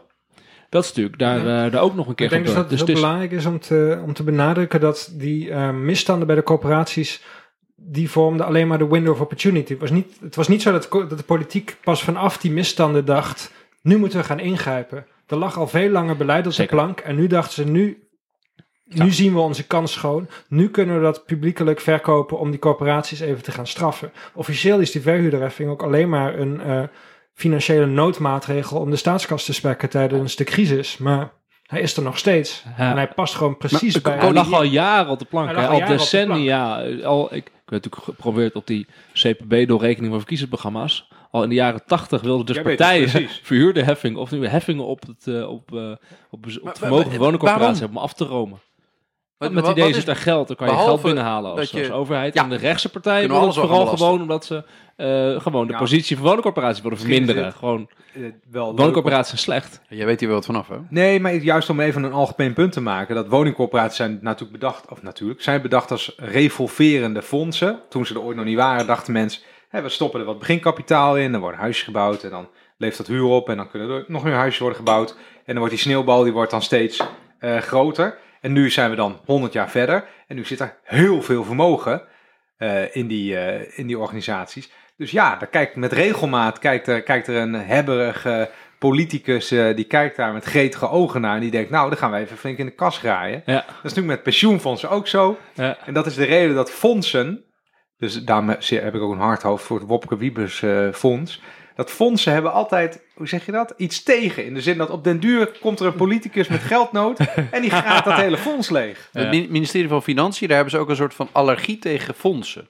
Ja. Eh, Maar Dus het- spek binden. Ja, wat, maar wat heel belangrijk is dat er dus op een bepaald moment een soort eh, moralistische houding komt. Hè? Dus dan, eh, dat is een beetje de, de economische ratio is dan weg. En dan komt een soort, wat Cody zegt, een soort window of opportunity. En dan ineens komt alle, het hele bak beleid komt er dan volledig overheen. En dan, wordt En dan in- gaat het fout. In westerse samenlevingen wordt het vaak genoemd dat er een ideologie van eigen woningbezit heerst. Ook al is het niet meer echt gebaseerd op ehm, daadwerkelijke overwegingen, is er heel sterk het idee dat je moet kopen. Je moet kopen omdat je er vermogen mee kan opbouwen. Dus je gaat meedoen aan dat feestje van vermogensopbouw en dat kan jouw ticket naar de middenklasse zijn. Dat is één. Maar tegelijkertijd wordt het ook met allerlei minder tastbare kwaliteiten geassocieerd, het kunnen kopen van een woning. En dan hebben we het over verantwoordelijkheid en zelfstandigheid en trots en succes. Dat zou je allemaal kunnen bereiken simpelweg door een woning te kopen. In hoeverre dat daadwerkelijk waar is als jij driehoogachtig voor eh, een tophypotheek een eh, zolderkamertje koopt, in hoeverre je dan werkelijk vrij en zelfstandig bent, daar kun je vraagtekens bij zetten. En daar is ook veel wetenschappelijk onderzoek naar gedaan die laat zien, nou ja, je wordt heus niet zelfstandiger of verantwoordelijker van het kopen van een woning. Maar dat idee is heel dominant geworden. En ik vond het heel exemplarisch midden jaren negentig, toen Jaap de Hoofd Scheffer, die was eh, CDA-leider, of die wilde volgens mij CDA-leider worden. En die ging toen praten over de heilzame werking van eigen woningbezit. En dat hij zei, je moet het, je moet, eh, hij zei, ik denk niet dat mensen alleen maar kwaad willen doen. Je moet het goede bij de mensen naar buiten brengen, eh, naar boven halen. Onder andere door ze, eh, door ze verantwoordelijkheden te geven, zoals een koopwoning. Dus CDA verbond het kopen van een woning heel erg met het goede gaan doen en het beschermen dus tegen het kwaad. Dat laat al zien dat er zo'n heel ideologisch sausje overheen zat. Ja, sterker nog, ik eh, las in een van jouw stukken, dat wist ik niet, dat eh, de, de Johan Remkens, die Remkens die nu ongeveer alle commissies in Nederland voorzit, eh, die, die iets vertellen over hoe waar het met Nederland heen gaat. En op dit moment interim burgemeester hier in de mooie stad Den Haag. Die was staatssecretaris in het jaar 2000 eh, van Volkshuisvesting. Volkshuisvesting. Ja, volkshuisvesting nog wat andere dingen. En ik las in jouw stuk, wist ik helemaal niet, dat hij toen een, een nota naar de Kamer heeft verstuurd waarin hij zei, over 10 jaar, dus in 2010, moet 65% van de woningen moet koopwoning zijn. Eh, dus dat moet stijgen, stijgen, stijgen. Ja. Dat is nooit gelukt. Maar daar zat dus ook heel duidelijk, dus niet alleen bij het CDA, want de is van de VVD, ook bij de VVD. Het is natuurlijk gewoon een paars kabinet is dit. Hè? Dus eh Ja, ja, eh, ja. een paars kabinet. Links heeft hey, ook meegestemd heel lang met dit beleid. Zeker. Van, vanuit rechts was heel erg de overweging om eigen woningbezit te stimuleren was. eh, Daar worden mensen rechts van. Ja, nou ook dat, die electorale reden inderdaad. maar ook indi- individualisme. Van, nou ja, je kunt dan individueel, je past toch wel bij het idee van individuele vrije burgers. Dat ten eerste. En dus het idee dat je met het kopen van een woning vermogen opbouwt. Dat staat een kleinere verzorgingsstaat toe. Dat paste bij het rechtse ideaal. Tegelijkertijd, ehm, links ging ook mee in deze gedachte, omdat het kunnen kopen van je woning voor de arbeidsklasse een manier van emancipatie, van verheffing was. Ja, Door die ja. woning te kopen, trad je toe tot de middenklasse. Dus zowel links als Ja. rechts hebben heel lang meegedaan aan het eh, bevorderen van eigen woningbezit op basis van het ideologische verhaal, wat heel erg gebaseerd is ook op eh, eerdere ehm, ervaringen, bijvoorbeeld met Margaret Thatcher in het Verenigd Koninkrijk. Nou, dat zet ook wel meer, dat hebben we ook in die eerste woningmarktaflevering eh, een beetje besproken. Dat er zaten ook vanuit links wel wat fun- nog- fundamentelere gedachten achter. Namelijk dat zo'n woning die stijgt mee, en ook de grond eronder hadden we het toen over, met de, met, met de economie. Dus een huurder die, maakt, die, die profiteert daar niet van. Als eh, dat grondbezit en dat woningbezit meestijgt. En door ook de arbeiders een eigen woning te geven, kunnen zij Mhm. ook eh, niet alleen hè, hun hypotheek aflossen en dus vermogen opbouwen op die manier, maar ook profiteren van die waardeontwikkeling. Ja, en dus dat klinkt goed. Misschien is het leuk om aan te... Het is ook voor, een, voor één generatie, een vrij unieke generatie lijkt het inmiddels op, is het ook goed gegaan. De generatie eh, die nu 50ers, 60ers zijn. babyboomers. Nou, net Ja. eronder denk Oh, ik. net eh, eronder. Oké. die hebben onder gunstige voorwaarden een woning kunnen kopen. Vaak met kortingen, vaak met ehm, lage prijzen, gesubsidieerd. Wel met hogere rentes tegen, dan tegenwoordig. Ehm, Hypotheekrenteaftrek, hadden we nog niet eens gehad. Hypotheekrenteaftrek. Ehm ze hebben ook geprofiteerd van vaste contracten. Ze waren ook op de arbeidsmarkt waren ze eh, insiders. Ze zijn vaak op een gunstig moment ingekomen van stijgende lonen, maar ook stijgende woningprijzen. Dus ze hebben en makkelijk toegang verworven tot ehm, een goede baan en een goedkope woning. En ze hebben vervolgens die woning gigantisch in waarde zien stijgen. Dus één generatie heeft heel erg geprofiteerd van eh, dit beleid van bevordering eigen woningbezit. En de verwachting was altijd, dit is gewoon hoe alle generaties vanaf nu van dit feestje gaan profiteren. En wat er nu steeds meer duidelijk wordt, in Nederland, maar meer nog in Anglo-Saxische landen, is, dit was toch wel een vrij unieke generatie. En die condities van goedkoop eigen woning, goedkoop je eerste woning kunnen kopen, waardestijging, vast contract, die gaan we niet zo snel terugkrijgen. Nou, er is wel één groep die op dit moment eh, een heel erg groot feestje mee gaat maken. Dat is namelijk de groep die in de periode afgelopen tien jaar, toen de corporaties bijna gedwongen werden om, eh, om eh, woningen te verkopen, Mhm. de mensen die die woning hebben gekocht tegen een redelijk lage prijs, vooral trouwens in Amsterdam, maar ook Rotterdam, Mhm. eh, die hebben nu een enorme waardestijging op die, op die woningen zitten. Dat is ongelooflijk. Eh, Dat is echt loterij. ongelooflijk. De Het is één grote loterij. Als jij toevallig in een sociale woning zat en ja, het werd te koop aangeboden aan jou en je had het op dat moment gekocht, dan heb je wel eh, een, een enorme klapper gemaakt. Maar Nou dat is ja, een veel kleinere groep dan de generatie waar... tegen eh, marktwaarde verkocht. nou, Lange tijd Nee. gingen ze met korting eh, over de Zeker toonbank, niet. maar tegenwoordig mag het volgens mij niet meer, want dat is verkwisting van maatschappelijk Nee, geld. er is, als ik er het goed is heb. een, ehm, ik weet dit toevallig niet precies. Het hoor. is een soort Dus, impliciete subsidie. Ja, nou, Ja. maar er zijn, er zijn veel van die schema's geweest dat ehm, mensen die zo'n woning al huurden, die konden hem dan kopen Ja. onder voorwaarden. En een van die voorwaarden was dan ehm, dat je korting kreeg. Ja. Eh, maar dat je ook, als je hem weer ging verkopen, moest je ehm, alsnog eh, dat geld eh, aan de corporatie betalen. Want dan heb je wel al die tijd een lage hypotheek gehad natuurlijk. En vaak moest je hem dan ook met voorrang aan de corporatie verkopen. Dus het is niet dat daar gratis geld werd uitgedeeld. Misschien, ik, had, ik heb hier een artikel voor me liggen. We hadden het net over het eigen woningbezit als Mhm. ideologisch eh, eh, dogma. Uit eh The Economist van de 16 januari. Wat is het vandaag eigenlijk? vandaag de twintigste. 20ste. Nou, een heel recent artikel. En de titel is, en dat, dat is ook de hele inhoud meteen: The Horrible Housing Blunder. Home ownership is the West's biggest economic policy mistake. Nou, het is een beetje alsof het Vaticaan zegt: God bestaat niet. Het is een, on, een ongelooflijk. eh, ehm, kijk, heel veel mensen zeiden dit natuurlijk. Het al, grapje is dat de Economist heel rechts wordt gezien door Randy. Nou, niet door mij. Ze Nee, dat was flauw. Ik leg even het grapje in uit. het, in het art, in het, ik dacht met, met dat, dat, dat, eh, dat weten onze luisteraars. In het niet. artikel zelf zeggen ze ook nog van... eh those like this newspaper who want popular support for free markets. Dit is gewoon... eh, dit, ze zien het ook als hun hè, doel om vrije markten en kapitalisme Ja. eh, te promoten. En zij zeggen, de huizenmarkt eh, in Anglo-Saxische landen, wa- wat je net noemde dus, maar in het hele Westen is zo ontspoord dat zelfs de steun voor het kapitalisme afneemt onder jongeren. Er zijn Dus ook wel de- Nu moeten we er wat aan doen. Er vallen ook wel wat rechtse argumenten voor minder eigen woningbezit ehm, te maken. Aan de ene, ten eerste is het gewoon heel simpel.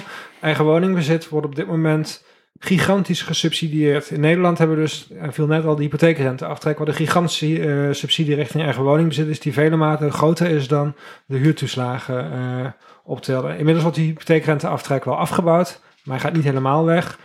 En hij, ehm, hij is ook lager op dit moment vanwege de lage rentestanden uiteraard. Maar dat, dus dat zou een argument kunnen zijn voor minder bevorderen van eigen woningbezit. Want er zit ook vaak geen goede reden meer achter. Er is ook een economisch argument te maken. Ehm, veel eigen woningbezit in een land of regio wordt ook wel geassocieerd met meer werkloosheid. Waarom?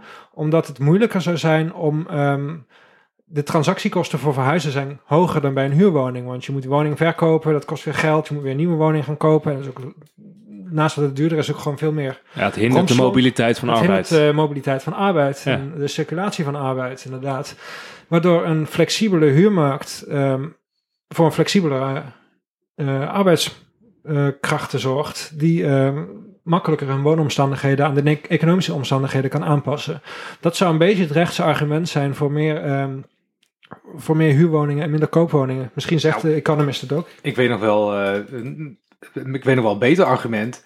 eh, dat, dat wat jij net noemde van, eh, hoe heet hij ook alweer? Jaap de Hoop Scheffer. Mhm. Eh, koop een woning, wordt een beter mens. Dat, dat is een quote die ergens in jouw artikel ook Ja. geloof ik stond. Dat was van Henriette Prast, uh, oud-senator van de D66. Oh ja, die vat het Zij is nu woningbeleid. van, eh, zij is nu van de Partij voor Ja, de Dieren, dieren, toch? ja, ja, ja, het is Maar zij, zij, zij vat het wel op die manier samen, maar dan wel met eh, kanttekeningen erbij. Zijn er ook rechtse mensen die worden linkser als ze oud worden, blijkbaar. Meestal is het andersom, eh, riep iemand net. Ja. Eh, maar in ieder geval dat, dat bevorderen van het eigen woningbezit, omdat mensen dan betere mensen zouden worden. Ja, ik zou het. Je kan zeggen er is weinig bewijs voor. Je kan ook zeggen het is magisch denken. Want het, het, het slaat ook bijna nergens op. Nou, misschien gaan mensen de stoep ietsje meer vegen hè, als, als het voor hun eigen bezit is. Ja. Om daar nou 14 miljard subsidie per jaar voor te geven. Dat lijkt me. te- ik kan me dus ook voorstellen dat er economisch liberale mensen zijn die zeggen: Nou, al die belasting die daarvoor moet worden geheven, wat een onzin. Hè, wat kan je wel niet doen voor 14 miljard? En die hypotheekrenteaftrek die vertaalt zich ook weer gewoon door in hogere huizenprijzen. Dus je schiet er uiteindelijk ook niet heel veel mee op. Maar je hebt wel het gevoel dat we nu op een soort punt zitten van we gaan inderdaad. Het is een beetje het gevoel van het beleid moet gaan veranderen, toch? Dus we, hebben, we lopen we zijn een soort doodlopende weg. Als zelfs de Economist het eh, zegt, dan Ja. is de weg gaan doodlopen. Pieter Heerma, nu de fractievoorzitter van het CDA en dus de zoon van, die heeft eh, in Binnenhof, Buitenhof, weet je, Buitenhof, eh, een paar maanden geleden Daar gezegd van we moeten weer terug naar volkshuisvesting. Dus daar begint ook... Eh, heb ik ook kritiek op zijn, wat, eh, eh, op het beleid veranderen. van zijn vader. hij had er kritiek op. Dus je merkt dat er een. De pendule is een beetje aan het, aan het omslaan. Maar ik vraag me dus heel erg af hoe het komt dat er in Nederland niet een. eh, meestal heb je dan nu dat er in politiek, Antwerp Den Haag, allerlei onderzoeken worden aangekondigd naar nieuw beleid. Wat is effectief beleid? En op de volkshuisvesting op woningmarkt hoor je dat nog eigenlijk niet echt. Ja, Dus het lijkt wel alsof inderdaad, eh, dat je van oké, er is eh, woningnood, eh, iedereen merkt het, maar echt nieuw, nieuw onderzoek. Welk beleid moeten we nu inzetten? Dat, dat, dat, dat lijkt nog niet aan de gang. Ja, Ol- Ollongren krijgt wel vaker de kritiek dat ze eh, met betrekking tot particuliere beleggers nog maar een onderzoekje gaat ehm, eh, laten uitvoeren voordat ze daadwerkelijk over wil gaan tot het eh, daadwerkelijk voeren Ja, van ik bedoel beleid meer, erop. ik bedoel meer een, een stelselonderzoek. Hè? Dus meestal wordt er dan, dus wat ik net zei, van ja, afgelopen tien jaar hoor je altijd, wat moeten we doen met de woningmarkt? En er stond in elk stelselrapport van op de ministerie stond minder sociale huur, meer ehm, vrije huurmarkt. Dat was altijd de oplossing. Ja, weet je, maar dat. Dus dat- eh, Maar je zit waar was dat dan een oplossing voor? Ik, snap, ik begrijp gewoon niet welk probleem je dan aan het oplossen bent. nou ja, dan ging de markt beter functioneren. Ja, en de dan markt kwamen er kwamen er dan eh, meer woningen hoe- betere prijzen. welk probleem hebben we dan opgelost? Nou, ik denk dat die, die focus op vrije huurwoningen van de afgelopen jaren, en dan vooral middensegmentwoningen, dat zijn woningen van vanaf de huurgrens van 734 euro tot ongeveer 1000 euro per maand. Daar is de politieke focus de afgelopen jaren heel erg op komen te liggen. En dat is een oplossing op een zelfgecreëerd probleem. Aan de ene kant heeft de overheid de prijzen op de koopmarkt heel lang opgedreven. Bijvoorbeeld via hypotheekschuld, bijvoorbeeld via uh, hypotheekrenteaftrek en tegenwoordig vooral via lage rentestanden. Dus de toegang tot die koopsector is lastiger geworden. Tegelijkertijd heeft de overheid de toegang tot de sociale huursector ook lastiger gemaakt door een hele strenge inkomensgrens voor sociale huur in te voeren. Die inkomensgrens ligt nu op ongeveer 38.000 euro bruto per jaar voor een huishouden. Die verandert altijd met de inflatie. Dat is gewoon een grens die de overheid in 2011 zelf heeft gelegd. Dus hij heeft een, zowel het kopen van een woning als het huren in het sociale segment is lastiger geworden. Daarmee is er een gat ontstaan. En het middensegment wordt nu naar voren geplaatst als de oplossing om dat gat te vullen.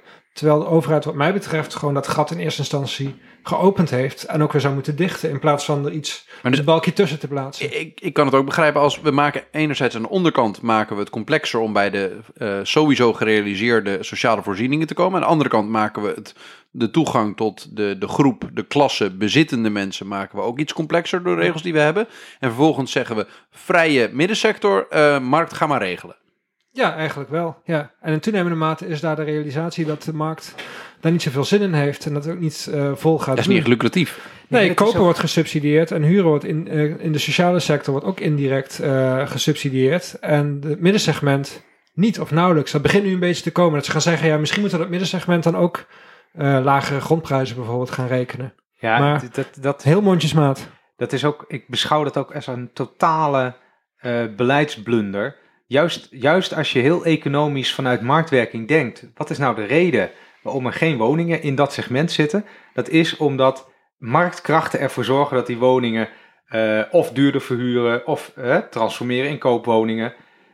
dus ook als je nieuwe voorraad toevoegt in dat segment en je reguleert dan niet dat zo'n woning voor altijd een huurprijs van 800 euro, wat dat dus in het middensegment zou, zou zitten, dat zo'n woning altijd 800 euro moet blijven kosten, of een beetje met inflatie of zo, dan, dan wordt zo'n woning ook binnen no time uh, 1000, 1200 euro of zo'n woning van in de koop. Natuurlijk, dat is gewoon simpel, vraag en aanbod. En dan vooral als iedereen gedwongen wordt ja. als vragers om naar dat middensegment te gaan, het vrije segment te gaan, ja. dat je dus niet kan kopen en niet de sociale kan. Maar, ja, dan kan je alles. Maar je had toch alles vragen als... juist die marktdenkers zouden begrijpen dat die marktkrachten ervoor zorgen dat dat segment liggen. Ik vind het van de zotte. Ik woon zelf bijvoorbeeld in een middensegment huurwoning in Amsterdam-Oost. 1000 euro per maand voor een uh, 70 vierkante meter in de Transvaalbuurt. Ja, dat is dan al middensegment, hè? Ja, ja. maar dat, dat vind, als ik dat vertel aan mensen, denken ze, bijna iedereen zegt van, dat is echt een ongelooflijk goede deal. En inderdaad, bij mij om de hoek, ja. bij mij om de hoek kun je ook bij een particulier huren voor 15 of 1800 euro per maand. Ik vind dat helemaal geen goede deal. Die woning is 100 jaar geleden uh, gebouwd door een woningcorporatie. Die is in die 100 jaar al tig keer afbetaald. Die is in 2013 met een uh, bazaal bruinzeelkeukentje gerenoveerd. en die gaat, nu voor, die gaat nu voor 1000 euro per maand. Uh, de, de corporatie moet grof geld aan mij verdienen. Dat weet ik wel 100% zeker. Ja, die dus ik vind, afbetaald Dus ik vind, we noemen het middenhuur. Middenhuur is ook gewoon een aantrekkelijk frame, een eufemisme voor wat eigenlijk vaak gewoon een hele dure prijs is voor wat je ervoor terugkrijgt. Naast het station Amstel in Amsterdam, sorry, mijn, voorbeelden zijn vaak Amsterdamse voorbeelden, staat een woontoren met uh, middenhuurwoningen. Dat is 40 vierkante meter voor 950 euro per maand. Nou ja, 40 vierkante meter als stelletje is dat misschien niet heel goed voor je relatie. In je eentje 950 euro betalen is heel veel geld. 30% van de mensen met een middeninkomen is gewoon niet in staat om een middenhuur te betalen en heeft behoefte aan een woning, huur of koop, tot de 700 euro per maand. Maar je weet dus met dit beleid dat je dus een behoorlijk grote groep mensen die op zoek is naar een woning niet helpt. Dat weet je gewoon uit jouw cijfers. Hè? Als je zegt van 30% ja. van mensen kan het niet betalen. Ja, die, of, die help je, of die smeer je eigenlijk een te dure huurwoning. Dus dan ben je eigenlijk met een beleidsoplossing bezig waarvan je weet, die gaat niks oplossen. En in een woning van 40 vierkante meter voor bijna 1000 euro per maand. Hoe lang ga je daar Volgens mij, zo ga je die woning hebt, ga je alweer op zoek naar iets anders. Omdat je toch denkt van, misschien niet de beste deal. En hier ga ik niet eeuwig blijven zitten. Nee, maar je bent bereid het te accepteren, want je hebt niks anders. Dat is precies de marktmacht van het middensegment. Even los van die veel te hoge prijzen. Heb je nu ook nog tijdelijke huurcontracten? Ik ja. vind dat... Kunnen we het daar nog even een beetje over hebben? Want, vind want dit zijn allemaal dingen even, die versterken dus de positie, de machtspositie van de verhuurder. Hè? Ja, ja. nou... Uh, ja, zeker. En jij hebt het ook over, jij vroeg, Wiemar, jij vroeg net beleid dat na de crisis is gevoerd. Het tijdelijk huurcontract is volgens mij ergens in 2018 ingevoerd. Misschien 2016 was dat. eh, 2016, ja. dus na de crisis in elk geval. Eh, met het idee van er komt er meer aanbod ehm, op de markt. Ik, maar hoe kijk jij daar tegenaan, Cody? Want ik denk, waar komt, hoezo meer aanbod dan? Hè? Waarom eh, zou Nou, er dat opeens mensen dan weten die... eh, oh, ja, sorry, ik ga een hele dom verklaring geven. die, die, je kent mensen... Ik, toevallig, ik ken een luisteraar van onze podcast. Die, is, die investeert in huis, die koopt ze op, split ze op, gaat ze verhuren aan studenten. die liet ze eerst maar leeg staan, of zo. Nee, nee, die denkt... Daarvoor van, waren de koopwoningen misschien. daarvoor, daarvoor, Ja, nee, ja. dat zijn gewoon super goedkope Komt er toch woningen in, in matige Dus- Maar dit is precies het probleem. Er wordt dus niet bijgebouwd. Dus het hele idee van hoe komt het dat mensen die geloofden in de marktoplossing er toch heel lang blijven geloven, is omdat mensen dacht- dachten van oké, natuurlijk komt er dan meer vraag in het middensegment, maar er wordt ook in het middensegment worden de woningen bijgemaakt.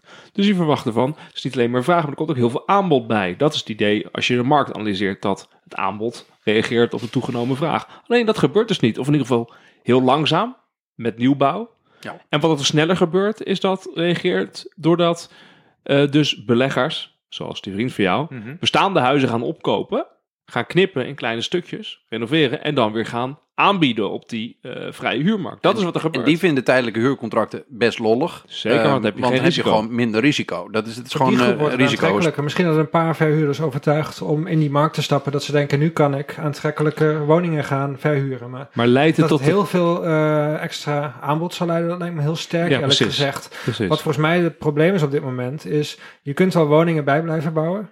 Maar de hoeveelheid kapitaal wat de, woningen, de woningmarkt opstroomt, kan veel sneller toenemen. Mhm. Dus dat betekent dat er steeds meer kapitaal in ongeveer dezelfde hoeveelheid woningen, tenminste die groeit mondjesmaat, vast komt te liggen. Dat vertaalt zich in hogere prijzen. En wat volgens mij beleid zou moeten proberen te doen, is kapitaal naar nieuwbouw te sturen in plaats van naar de bestaande bouw. Dus als jij een investeerder hebt die eh, nieuwe complexen wil bijbouwen, prima. Tenminste aan allerlei voorwaarden gebonden uiteraard. Mhm. Ehm, maar dat lijkt me een goed idee, want daarmee vergroot je daadwerkelijk het aanbod. Ehm, tegelijkertijd, je ziet op dit moment heel veel kapitaal de bestaande voorraad instromen. En dat doet helemaal niks om het aanbod te vergroten. Nou, behalve die verkaveling dan. Behalve een, paar, een beetje wat verkamering, ja. En dat, Of Ja. bedrijfspanden opkopen en dan ombouwen naar eh, woonhuizen. Dat zou misschien ja, ook kunnen. nou, dat is ook het aanbod vergroten. Ja, dat, ja, ja, precies. Dat is ook Er aanbod is één ding eh, wat de markt wel echt goed kan, is verkameren. Ja. Dat, dat is bijna geen, er is bijna geen andere manier om dat voor elkaar te krijgen dan gewoon de marktkrachten helemaal los te laten. Ja, verkameren is wel de marketingterm, want je kan dit ook vertalen als wat de markt heel goed kan, is eh, een eh Betaalbare pand. koophuizen Ja, transformeren in Een- dure precies, huurwoningen. een pand zo eh, ombouwen dat je een hogere prijs kan krijgen voor dezelfde vierkante meter. Er is, er is, je, je had het over, je had het over kapitaal, wat, wat er sneller de markt op stroomt dan er hè, een nieuw aanbod kan ontstaan. Dat vind ik ook, dat vind ik ook zo'n opmerkelijk iets dat de regering daar niks aan doet. Want er is al jarenlang eh, hard economisch bewijs dat eh, quantitative easing, hè, dus het eh, vergroten van de geld voor geld drukken, zeg maar, plat gezegd, door de Europese, ja, ik dacht, waarom zeg ik het ook zo ingewikkeld? Door de Europese Centrale Bank. Dat is in Japan ook gebeurd, eerder in de tijd al, in de geschiedenis. En dat heeft geleid tot een explosie van de, de beurskoersen en ehm, ook vastgoedbezit, eh prijzen van huizen en zo. Dat wist, je, dat wist je gewoon, dat dat hier ging gebeuren. En er wordt niks, eh, er wordt niks aan gedaan om die prijsstijgingen te dempen. Het, het idee was volgens mij dat die kwantitatieve verruiming de productieve economie zou stimuleren. Ja. Meer geldbeschikking ter beschikking, dat zou mensen tot ondernemen aanzetten. Maar dat geld is volgens mij lineair recta de stenen ingestroomd en heeft zich vertaald in hogere huizenprijzen. Ik, ik heb het gevoel dat er nu een beetje een kantelpunt in komt. En als je het historisch gaat bekijken, is er altijd heel veel electorale en maatschappelijke steun voor hoge woningprijzen. Want het merendeel van de Nederlanders Heeft een huis. heeft een huis en zit gewoon in die woning, zit er ook prima. En denkt, oh, mijn woning wordt meer waard. En daar heb ik misschien niet direct toegang tot dat geld. Maar het is toch wel een lekkere achtervang. Er is ook al onderzoek naar gedaan. Volgens mij Behalve de- als de WOZ-waarde stijgt. Ja. Wordt het allemaal weer pissig. ja, maar die- er is ook al onderzoek gedaan naar de Rabobank. Ik durf even geen precieze percentage aan te hangen. Maar als je woning in bepaalde percentage WOZ omhoog gaat, gaat ook je, consum, eh, je consumptiegedrag erop vooruit. Ook al Ja, ja. verandert er verder Ah, niks in ja. jouw economische eh, omstandigheden. Je hebt Want dan denk je, ik zit wel oké. zekerheid. Ja, en ik kan wel wat extra uitgeven, want ik heb altijd nog die woning met die gigantische overwaarde om op terug te vallen. Ja, andersom werkt het trouwens ook. Het Centraal Planbureau heeft er onderzoek naar gedaan dat op het moment dat dus de huizenprijzen gaan zakken, dan Ja, knalt ook zeker. meteen de consumptie in elkaar, terwijl je inkomen dan Ehm, je maandelijks inkomen kan hetzelfde zijn, maar omdat je het gevoel hebt van mijn huizenprijs wordt minder waard, ga je minder consumeren. En andersom werkt het ook zo. Ja. Dus je inkomenspositie blijft hetzelfde, maar door je vermogenspositie die omhoog of naar beneden gaat, ga je toch meer of minder consumeren. Dus er is op individueel niveau is er veel steun voor hoge woningprijzen. Want dat, dat, dat wakkert op zijn minst het gevoel aan van welvaart, van zekerheid. En ook op economische schaal eh, zie je dat hogere woningprijzen dit dus vertalen in meer consumptie, wat zich vertaalt in hogere groeicijfers. Wat het gros van de politieke partijen nog steeds als een soort van heilige graal beschouwt. Zo met uh, tricky. eh, Maar daar nu zijn, die nu zijn die woningprijzen zo hoog, eh, zo snel aan het stijgen, dat er nu volgens mij steeds meer stemmen opgaan van dit is niet meer normaal. En dit, is, eh, dit, dit, dit zorgt wel voor een groei, een, zo'n grote groep mensen die nu buiten de boot valt en die er gewoon niet meer tussen komt. En dat, dat zijn misschien ook de kinderen van die woningbezittende ouders Mhm. die er niet tussen komen. Maar weet je, ik vind ehm, van dat, dat sentiment wat jij nu zegt van nou, boe, nou, nou wordt het wat al te wild. Mhm. Dat is in de politiek nu heel duidelijk hoorbaar. Maar ik vind dat een beetje goedkoop. Omdat ehm, men zegt wel, oh god, hè, die jongeren die komen er niet meer aan te pas. Maar ze doen niks.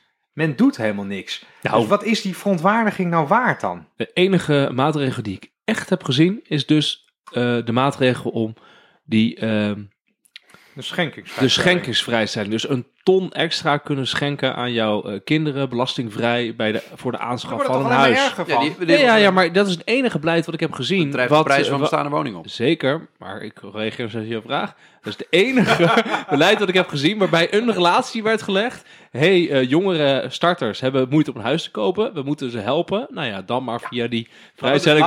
En op zichzelf, zelfs niet-economen. en naast zit iemand die zich heel erg op te vreten, namelijk Wouter. Die denkt van ja, dit is natuurlijk als, als, helemaal geen oplossing voor problemen. Het drijft alleen de huizenprijs op. Daar ben ik met je eens. Het is inderdaad een ongelijkheidsmachine. Want dat betekent dat de kinderen van vermogende ouders nog een extra kans krijgen om, eh, om, eh, om als eerste een uh, koopwoning te kopen. Mag ik me- misschien een vraag aan Cody stellen nog?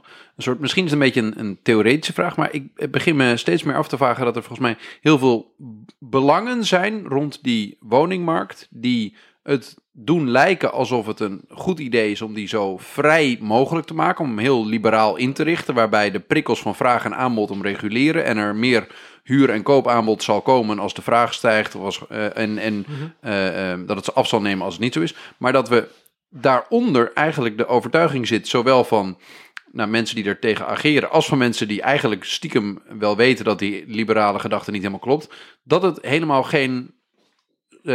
Nou, dat, het, dat er geen echte marktwerking nodig is, om, eh, nee, mogelijk is, omdat er altijd een vaste hoeveelheid grond is en een hoeveelheid woningeenheden die helemaal niet zo goed meebeweegt met het veranderen van de vraag. En ik heb hele gevoel dat we de mensen die die, die woningmarkt, eh, die er allemaal dingen over beweren, eh, rond dat het echt heel erg een woningmarkt moet zijn, dat het niet gaat om volkshuisvesting, dat die ook best doorhebben dat het niet zo'n flexibele markt is, ehm, maar dat het gewoon niet lekker uitkomt voor het verhaal. Dat het doen alsof het een prima functionerende markt is, terwijl het eigenlijk gewoon kletskoek is. Ik denk dat in zouden ze, zouden ze de woningmarkt een voorraadmarkt noemen. Dat betekent dat de omvang van het aanbod min of meer vast ligt. En het kan wel een beetje groeien, maar je kan het niet opeens gaan verdubbelen. Dat is simpelweg onmogelijk Precies. zoals met andere goederen. En we weten ook dat die elasticiteit van de woningmarkt heel laag is. Dat betekent dat het aanbod op de woningmarkt maar mondjesmaat reageert op eh, prijsschommelingen, op vraagverschillen. Dat, dat, zullen, denk ik, bijna alle economen wel onderschrijven.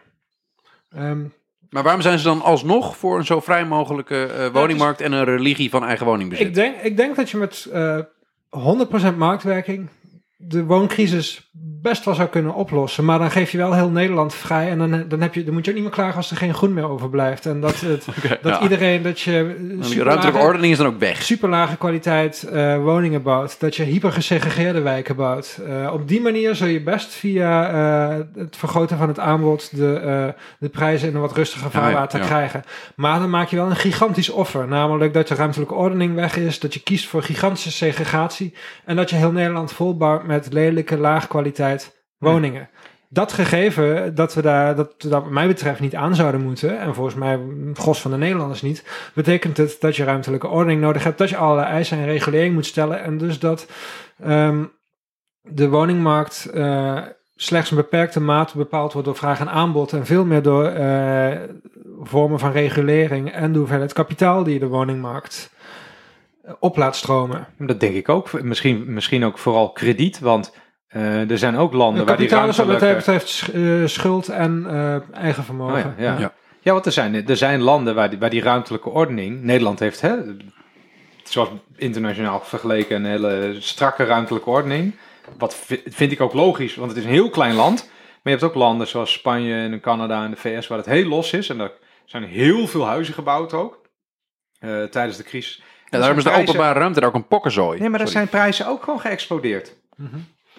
Dus dat hele, dat hele, hoe zeg je dat, dat simpele vraag-aanbod denken, dat, misschien gaat dat wel helemaal niet op eh, voor de woningmarkt. En mijn analyse is dat tot 2008, of tot de crisis, tot de maatregelen werden genomen, wa- waren de prijsstijgingen op de woningmarkt schuldgedreven. Dus door hypotheekkrediet, om dat steeds maar op te, op te voeren. Je kon grotere bedragen lenen voor dezelfde woningen. Dat is aan banden gelegd. Dus die schuldgedreven prijsopdrijving is eh, stabiel geworden. Ehm, en dat betekent dat daar de prijsstijgingen niet meer in zitten. Maar vervolgens zie je dat daarbovenop, die hypotheekschuld is gestabiliseerd, daarbovenop komt ehm, kapitaalgedreven prijsopdrijving. En dat is eigen vermogen. Dat is eigen vermogen van beleggers die een pandje kopen om te speculeren. Dat is gedreven door de lage rentestanden. Dat is ook gedreven door het feit dat er nu inderdaad een generatie is die die ton belastingvrij overmaakt naar haar kinderen. Dat is ook kapitaal wat de woningmarkt eh, op, opstroomt. Eh, dat zijn institutionele beleggers die hun geld nu voor het eerst naar vastgoed sluizen, omdat de rendementen elders verdampen en juist in de woningmarkt nogal best wel hoog zijn.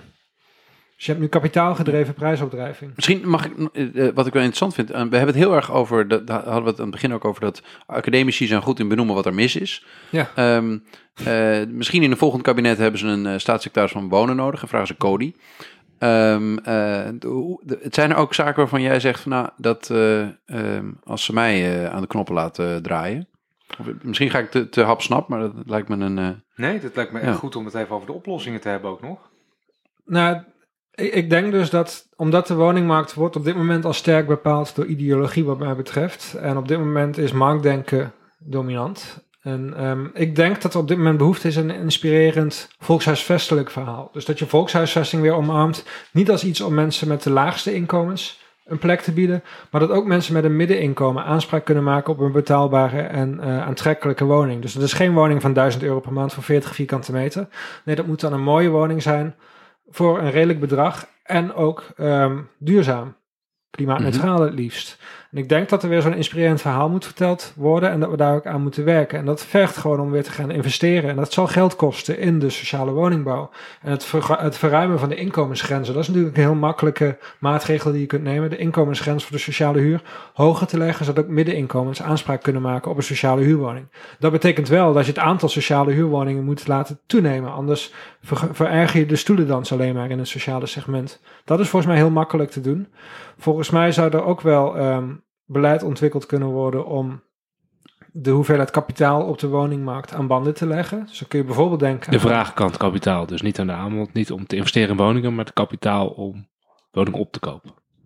Ja, ja, je wilt kapitaal aan banden leggen wat zich in de bestaande voorraad nestelt. Ja, En precies. dat, of, of dat wil je eh, richting de eh, nieuwbouw duwen. Ja, precies. Maar dan Zo zou je ik, bijvoorbeeld ja. aan beperkende maatregelen kunnen denken wat betreft beleggers. Of, ehm, of in ieder geval die eh ton belasting vrijschenken aan te passen. En in algemenere perspectief denk ik dat je toe moet naar een systeem waarin je vermogen gewoon veel forser gaat belasten. Ehm, dat kun je dan ten koste laten gaan van eh, inkomstenbelasting. ja, wel- Ja, het is heel goed. Ik, ik vind, want een van de dingen, jij zegt van nu is het marktdenken heel eh, dominant, is ook Mhm. zo. En een van de dingen die je nu ziet gebeuren in het maatschappelijk debat, ook wel het economendebat, is eh, wat jij eigenlijk zei, van, hè, als marktdenkers denken het gaat niet goed met de markt, vraag en aanbod sluiten niet op elkaar aan, dan zijn er altijd rigiditeiten in de markt die weggenomen moeten worden. Rigiditeiten zorgen ervoor of het vraag vast blijft staan of het aanbod vast blijft staan. In dit geval gaat dus, ja, het aanbod is rigide, wordt niet groter. Hoe komt dat? Nou, natuurlijk alle eh, klimaatnormen, milieunormen, ruimtelijke normen, kwaliteitsnormen en dergelijke. Dus alle marktadepten gaan zeggen, die rigiditeiten moeten eraf. Dus je moet ineens tijdelijk eh eh, woningjes gaan bouwen, in vakantieparkjes moeten open worden gezet. Laten we in het groene hard gaan bouwen. Wat zei? Nee, de groene contouren, soepeler maar. Ja, precies. Dat, dat is wat er nu gaat gebeuren. En volgens mij, als we dat gaan doen, gaat het dus eh, fout. Overigens zijn ze het ook in de vorige podcast, zeiden we dat, wanneer was het anderhalf jaar geleden, van het idee dat nu iedereen gaat roepen, het zijn al die regeltjes, die regeltjes, die Ja, zitten ja, de ja. aanbodgroei in de weg. Als je die kant op gaat, dan ben je dus niet het echte probleem weer aan het oplossen. ben je in ieder geval niet bezig met volkshuisvestingbeleid. Dat schreef ik in mijn RTL-column, dat die wooncrisis, die woningnood op dit moment, er zijn heel veel partijen die staan te trappelen om die crisis te misbruiken, om, te plei, om dat pleidooi te maken voor minder regels, zodat ze maar hun gang kunnen gaan met dure ja, ja. marktwoningen bouwen eh, of goedkope Want dan komt het wel goed met het aanbod. Weet, je, Ja. weet je waar me dat altijd een beetje aan doet denken, gekscherend, dat als je ziek was in de middeleeuwen, dan was de oplossing eh, eh, bloedzuigers. Eh, of aderlaten, pardon, aderlaten. En eh, dan werd, werd je nog zieker, zeiden ze, we hebben nog niet genoeg ader gelaten.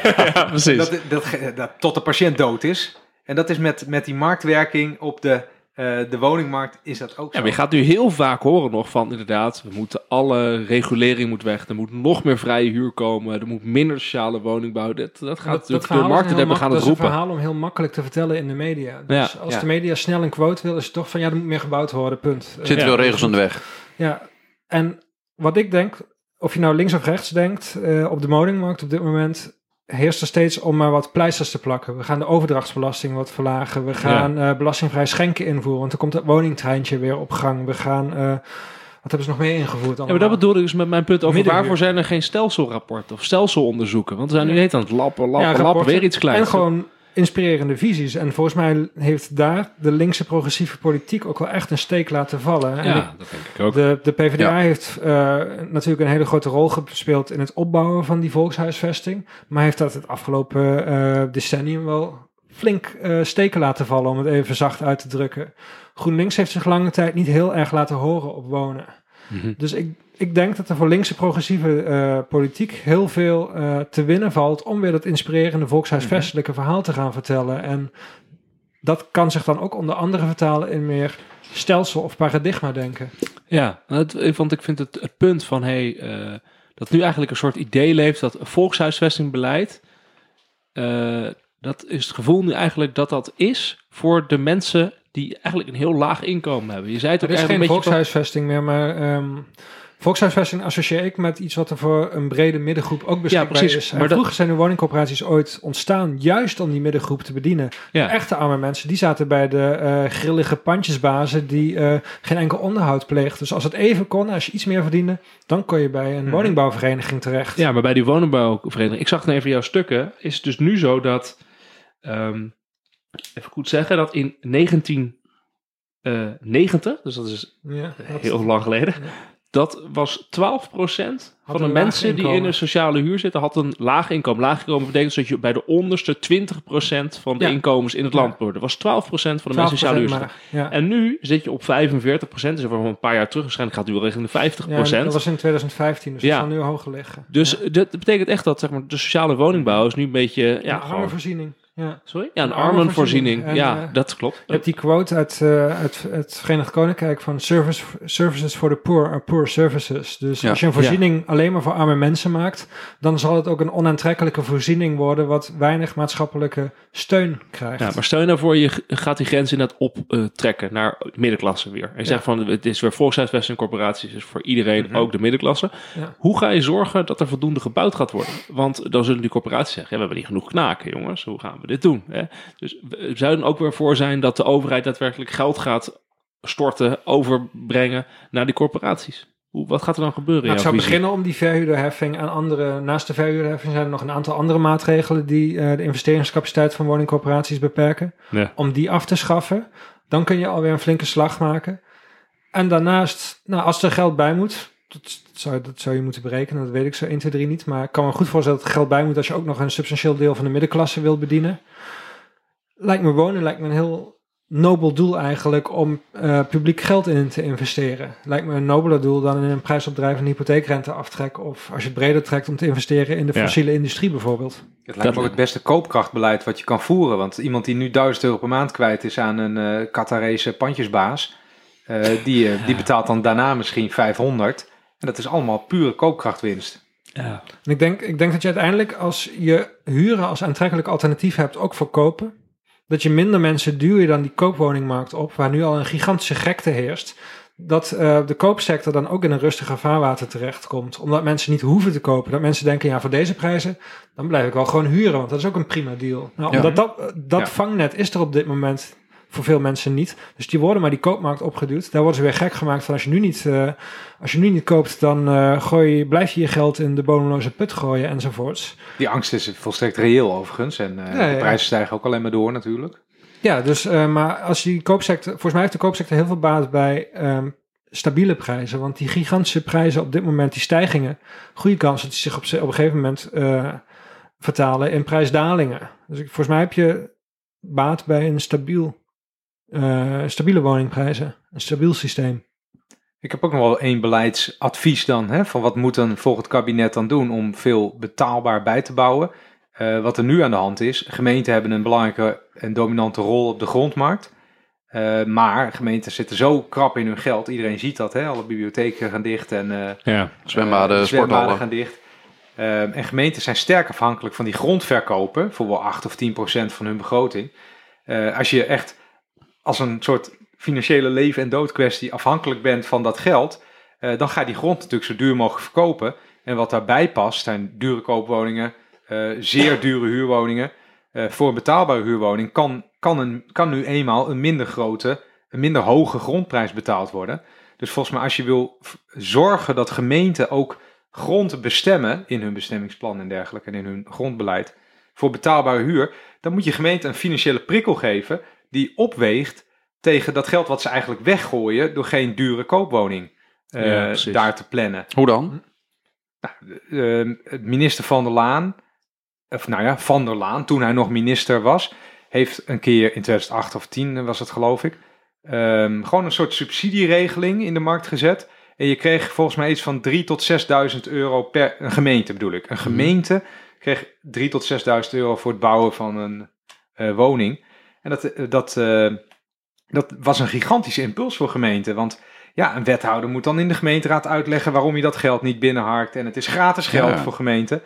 En het stomme is, of het schitterende juist eraan, het is gewoon een overheid die geld geeft aan een andere overheid. Er gebeurt, hè, buiten het balletje van de overheid gebeurt eigenlijk niks. Er wordt intern wat met geld geschoven en opeens is er meer betaalbare huur. En je hoeft dan minder aan hypotheekrenteaftrek te betalen. En het, hè, het, is waarschijnlijk economisch hartstikke slim allemaal. En doodsimpel. Want die negatieve prikkel die er bestaat van dat die grondprijs lager is voor sociale huur, die hef je op door gewoon, met, hè, door gewoon gemeente een subsidie te geven. En als je, als, je, eh, als je een wooncrisis die er nu is serieus neemt, en je bent niet eens bereid om zoiets simpels te doen als dit, of was het maar even te proberen, hè, doe je eh, een paar honderd miljoen, kijk hoe het gaat. Ehm, ja, dat, dat, dat snap ik gewoon niet. Ik ben het niet eens. En nog een aanvullende, maar dit is een aanpalend dossier. Zodat ik denk van die sociale woningbouw en dat uitbreiden en het aantal woningen daar vergroten, is denk ik voor me ook super belangrijk in het hele idee van een klimaattransitie. Als je wil dat de woningvoorraad gaat verduurzamen, ehm, is het denk ik best wel heel erg effectief en efficiënt om dat via de sociale woningbouw te doen. Omdat je dan één beheerder hebt van al die woningen.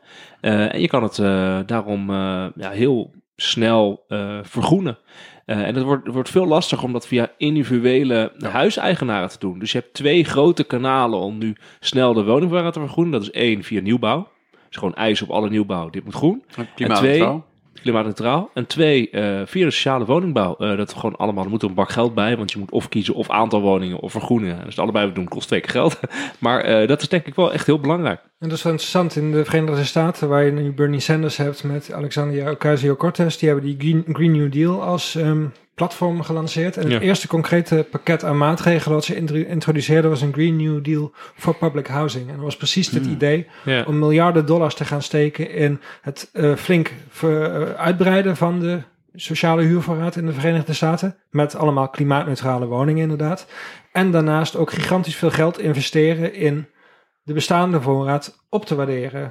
Fijner te maken voor de mensen om in te wonen, maar ook om te verduurzamen. En ze hadden het dan ook zo berekend dat ehm, dat ook heel veel banen zou genereren in de duurzame industrie. En dat dat vooral banen zouden zijn die op dit moment in eh, rode republikeinse staten eh, zouden komen. Dus er Ja, was ook nog een soort van ruimtelijke herverdeling, zat er ook bij, bij de achtergebleven, om het zo even te noemen, gebieden.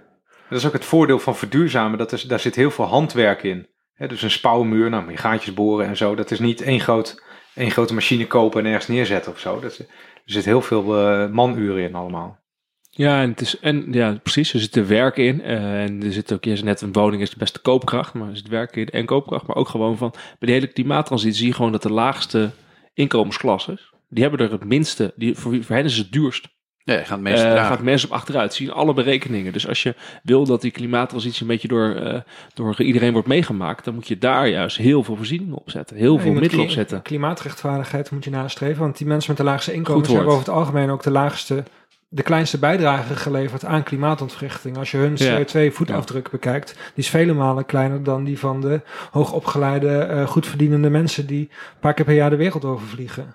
Wat ik, wat, ik, wat ik hoop is eigenlijk dat er op heel veel van dit soort terreinen een soort realisatie komt dat er een collectieve verantwoordelijkheid is die je niet op ieder vlak kunt vertalen naar een individuele verantwoordelijkheid om bij te dragen aan het collectief. We hebben nu een soort van gedachte dat een, de individuele verantwoordelijkheid voor huurders om voor zichzelf op te komen of voor eh, eh, de, de koopmarkt om zichzelf te re- organiseren, dat dat wel goed komt. En dat ik geloof, ik hoop dat er een soort trendwisseling bezig is, dat volkshuisvesting een collectief bezit wordt, dat een transitie naar een duurzame eh, woningvoorraad, dat dat een collectieve verantwoordelijkheid is en dat het ook weer oké wordt om politiek te zeggen, ehm, dat is een collectieve verantwoordelijkheid en dat gaan we met z'n allen fixen. En ik durf daar verantwoordelijkheid voor te nemen. Want ik, wat ik nu nog heel vaak zie, is politici die zeggen, er is een crisis, verhip, het is allemaal vreselijk, maar ook niet echt weten wat ze dan moeten gaan doen. Het is meer zo van ontkennen van collectieve verantwoordelijkheid en ook het vermogen om centraal ergens op in te grijpen.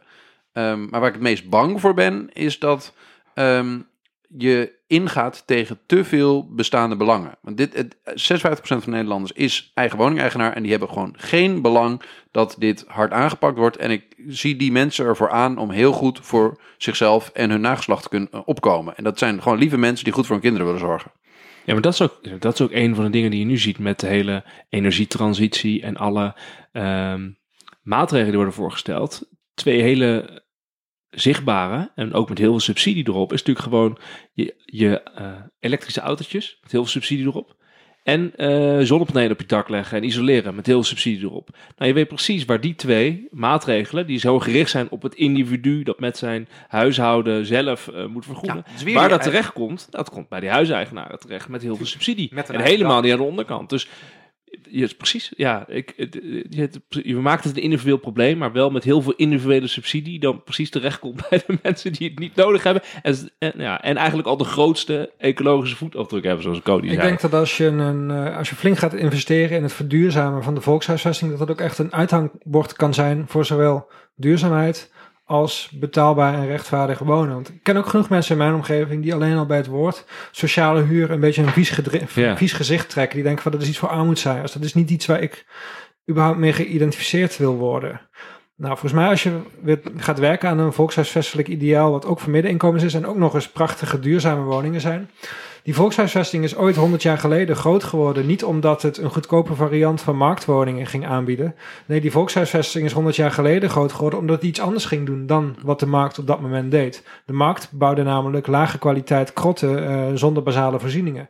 Volkshuisvesting ging toen niet alleen betaalbare woningen bouwen, maar ook betaalbare woningen die een gigantische stap vooruit waren eh, in de woonomstandigheden. Ja, met ventilatie en zo. Ventilant. En, en ramen. ja, Ja, serieus. Ja. En een douche. en een douche. Ja, ja. Nou, dat was... Dat, dat was nog, nog iets later. En, Ja. en maar dat is waar we nu ook aan toe zijn. Je hebt eigenlijk volkshuisvesting nodig met een, de nieuwe voorwaarden van de moderne tijd. tijd. En dat is niet Ja. dat er ramen of een deur of een douche in zit, maar Maar dat het weer- klimaatneutraal is. Ja, ja, precies. Ja. Dus de volkshuisvesting moet niet alleen de markt gaan kopiëren, maar dan op een goedkopere manier. Maar moet echt Ja. eh, een nieuwe standaard zetten. En dat, eh, nou, bij deze tijd hoort wat mij betreft eh, duurzaamheid moet daar ook centraal bij staan. Ja, dat is ook vaak wel een valkuil om te denken van... Oh ja, hè, we kijken naar hoe het nu gaat en we gaan het dan 1% beter doen. Eigenlijk moet je nadenken over manieren waarop je, waarop je het dubbel zo goed kan doen. En daar dan naar streven. Ja. hey, misschien... ehm, we zijn een uur en drie kwartier bezig nu ongeveer, geloof ik, Wouter. Ja, ik hoop dat er nog luisteraars over zijn. dat heb ja. ik ook. Ik vind het wel een leuk gesprek. Nou ja, we zeiden in het voorgesprek, er is dus geen, eh, geen causaliteit of geen kausaal verband tussen de lengte van de podcast en de, het aantal luisteraars. Ik ben wel benieuwd of mensen ook in reviews kunnen laten weten of het nou of te lang is of te kort. Iedereen die tot dit moment gehaald heeft en die hoort dit, mag dit dan vervolgens even tweeten. Nou, ik, ik heb, eh, vor- vorige keer, jongens, gehaald. vorige keer hadden we een grapje gemaakt van eh, de twee luisteraars die nog over zijn na 1 uur en 50 minuten. En ik heb echt al van in ieder geval 10 mensen een WhatsAppje gehad van ik was een van die twee. Ehm, ja, ja, dus dus het- al van 10. Dus, Het is in ieder geval 10. 500% hoger. Ja. precies. Nou, eh wat Misschien, ik nou zeggen? Ja. ter afronding dan, of tenminste, volgens mij is het goed om dan nu toch rustig hè, naar een afronding toe te gaan. Misschien is het leuk om dan een beetje onwetenschappelijk koffiedik te kijken naar de toekomst. Eh, om jou te- door jou te vragen van wat denk jij dat nou ehm, reëel is dat een volgend kabinet qua beleidsmaatregelen gaat nemen? lastig. Ehm dat is ook heel erg afhankelijk van welk, welke partijen dat kabinet gaan vormen. Eh, ik denk dat dat absoluut doorslaggevend zal zijn. Maar ik denk wel dat er een redelijk brede steun zal zijn om beleggers, eh, particuliere beleggers, op de een of andere manier te beperken. Je ziet dat dat beeld in de afgelopen twee jaar al flink gekanteld is en dat er steeds meer steun komt voor het beperken van beleggers. En dat ook in de grote steden de partijen op rechts best wel willen meegaan in het beperken van eh, beleggers die woningen opkopen. En dat is op zich ook wel logisch, want de VVD was altijd de partij van de koopwoningen. Die zouden dan helemaal op tegen moeten zijn dat beleggers die woningen opkopen en in de verhuur gaan gooien. Vanwege dat hele ideologische project dat er omheen geconstrueerd is. Dus ik denk het beperken van beleggers, dat zie ik nog wel gebeuren, ongeacht de politieke kleur van de volgende regering. Hypotheekrente? Afschaffen? Eh, stapsgewijs zal die kleiner worden. Ik denk niet dat die afgeschaft zal worden helemaal. Terwijl nu juist het moment is om dat te doen met de lage rentestanden. Maar ik denk niet dat, ze daar, dat daar één partij politiek eh, of dat electorale risico wil nemen. Vanwege die meerderheid van de Nederlanders bezit een woning. En bij die beleggers eh, is dat dan zeg maar gewoon een hogere belasting voor beleggers en een, en een woonplicht, zoals je eerder zei, als je een huis opkoopt? Die Als woonplicht. je bestaande voorraad opkoopt? Ik, ik gok dat die woonplicht voor nieuwbouwwoningen steeds vaker ingevoerd zal worden op lokaal niveau. Dat kun je lokaal regelen. Ja.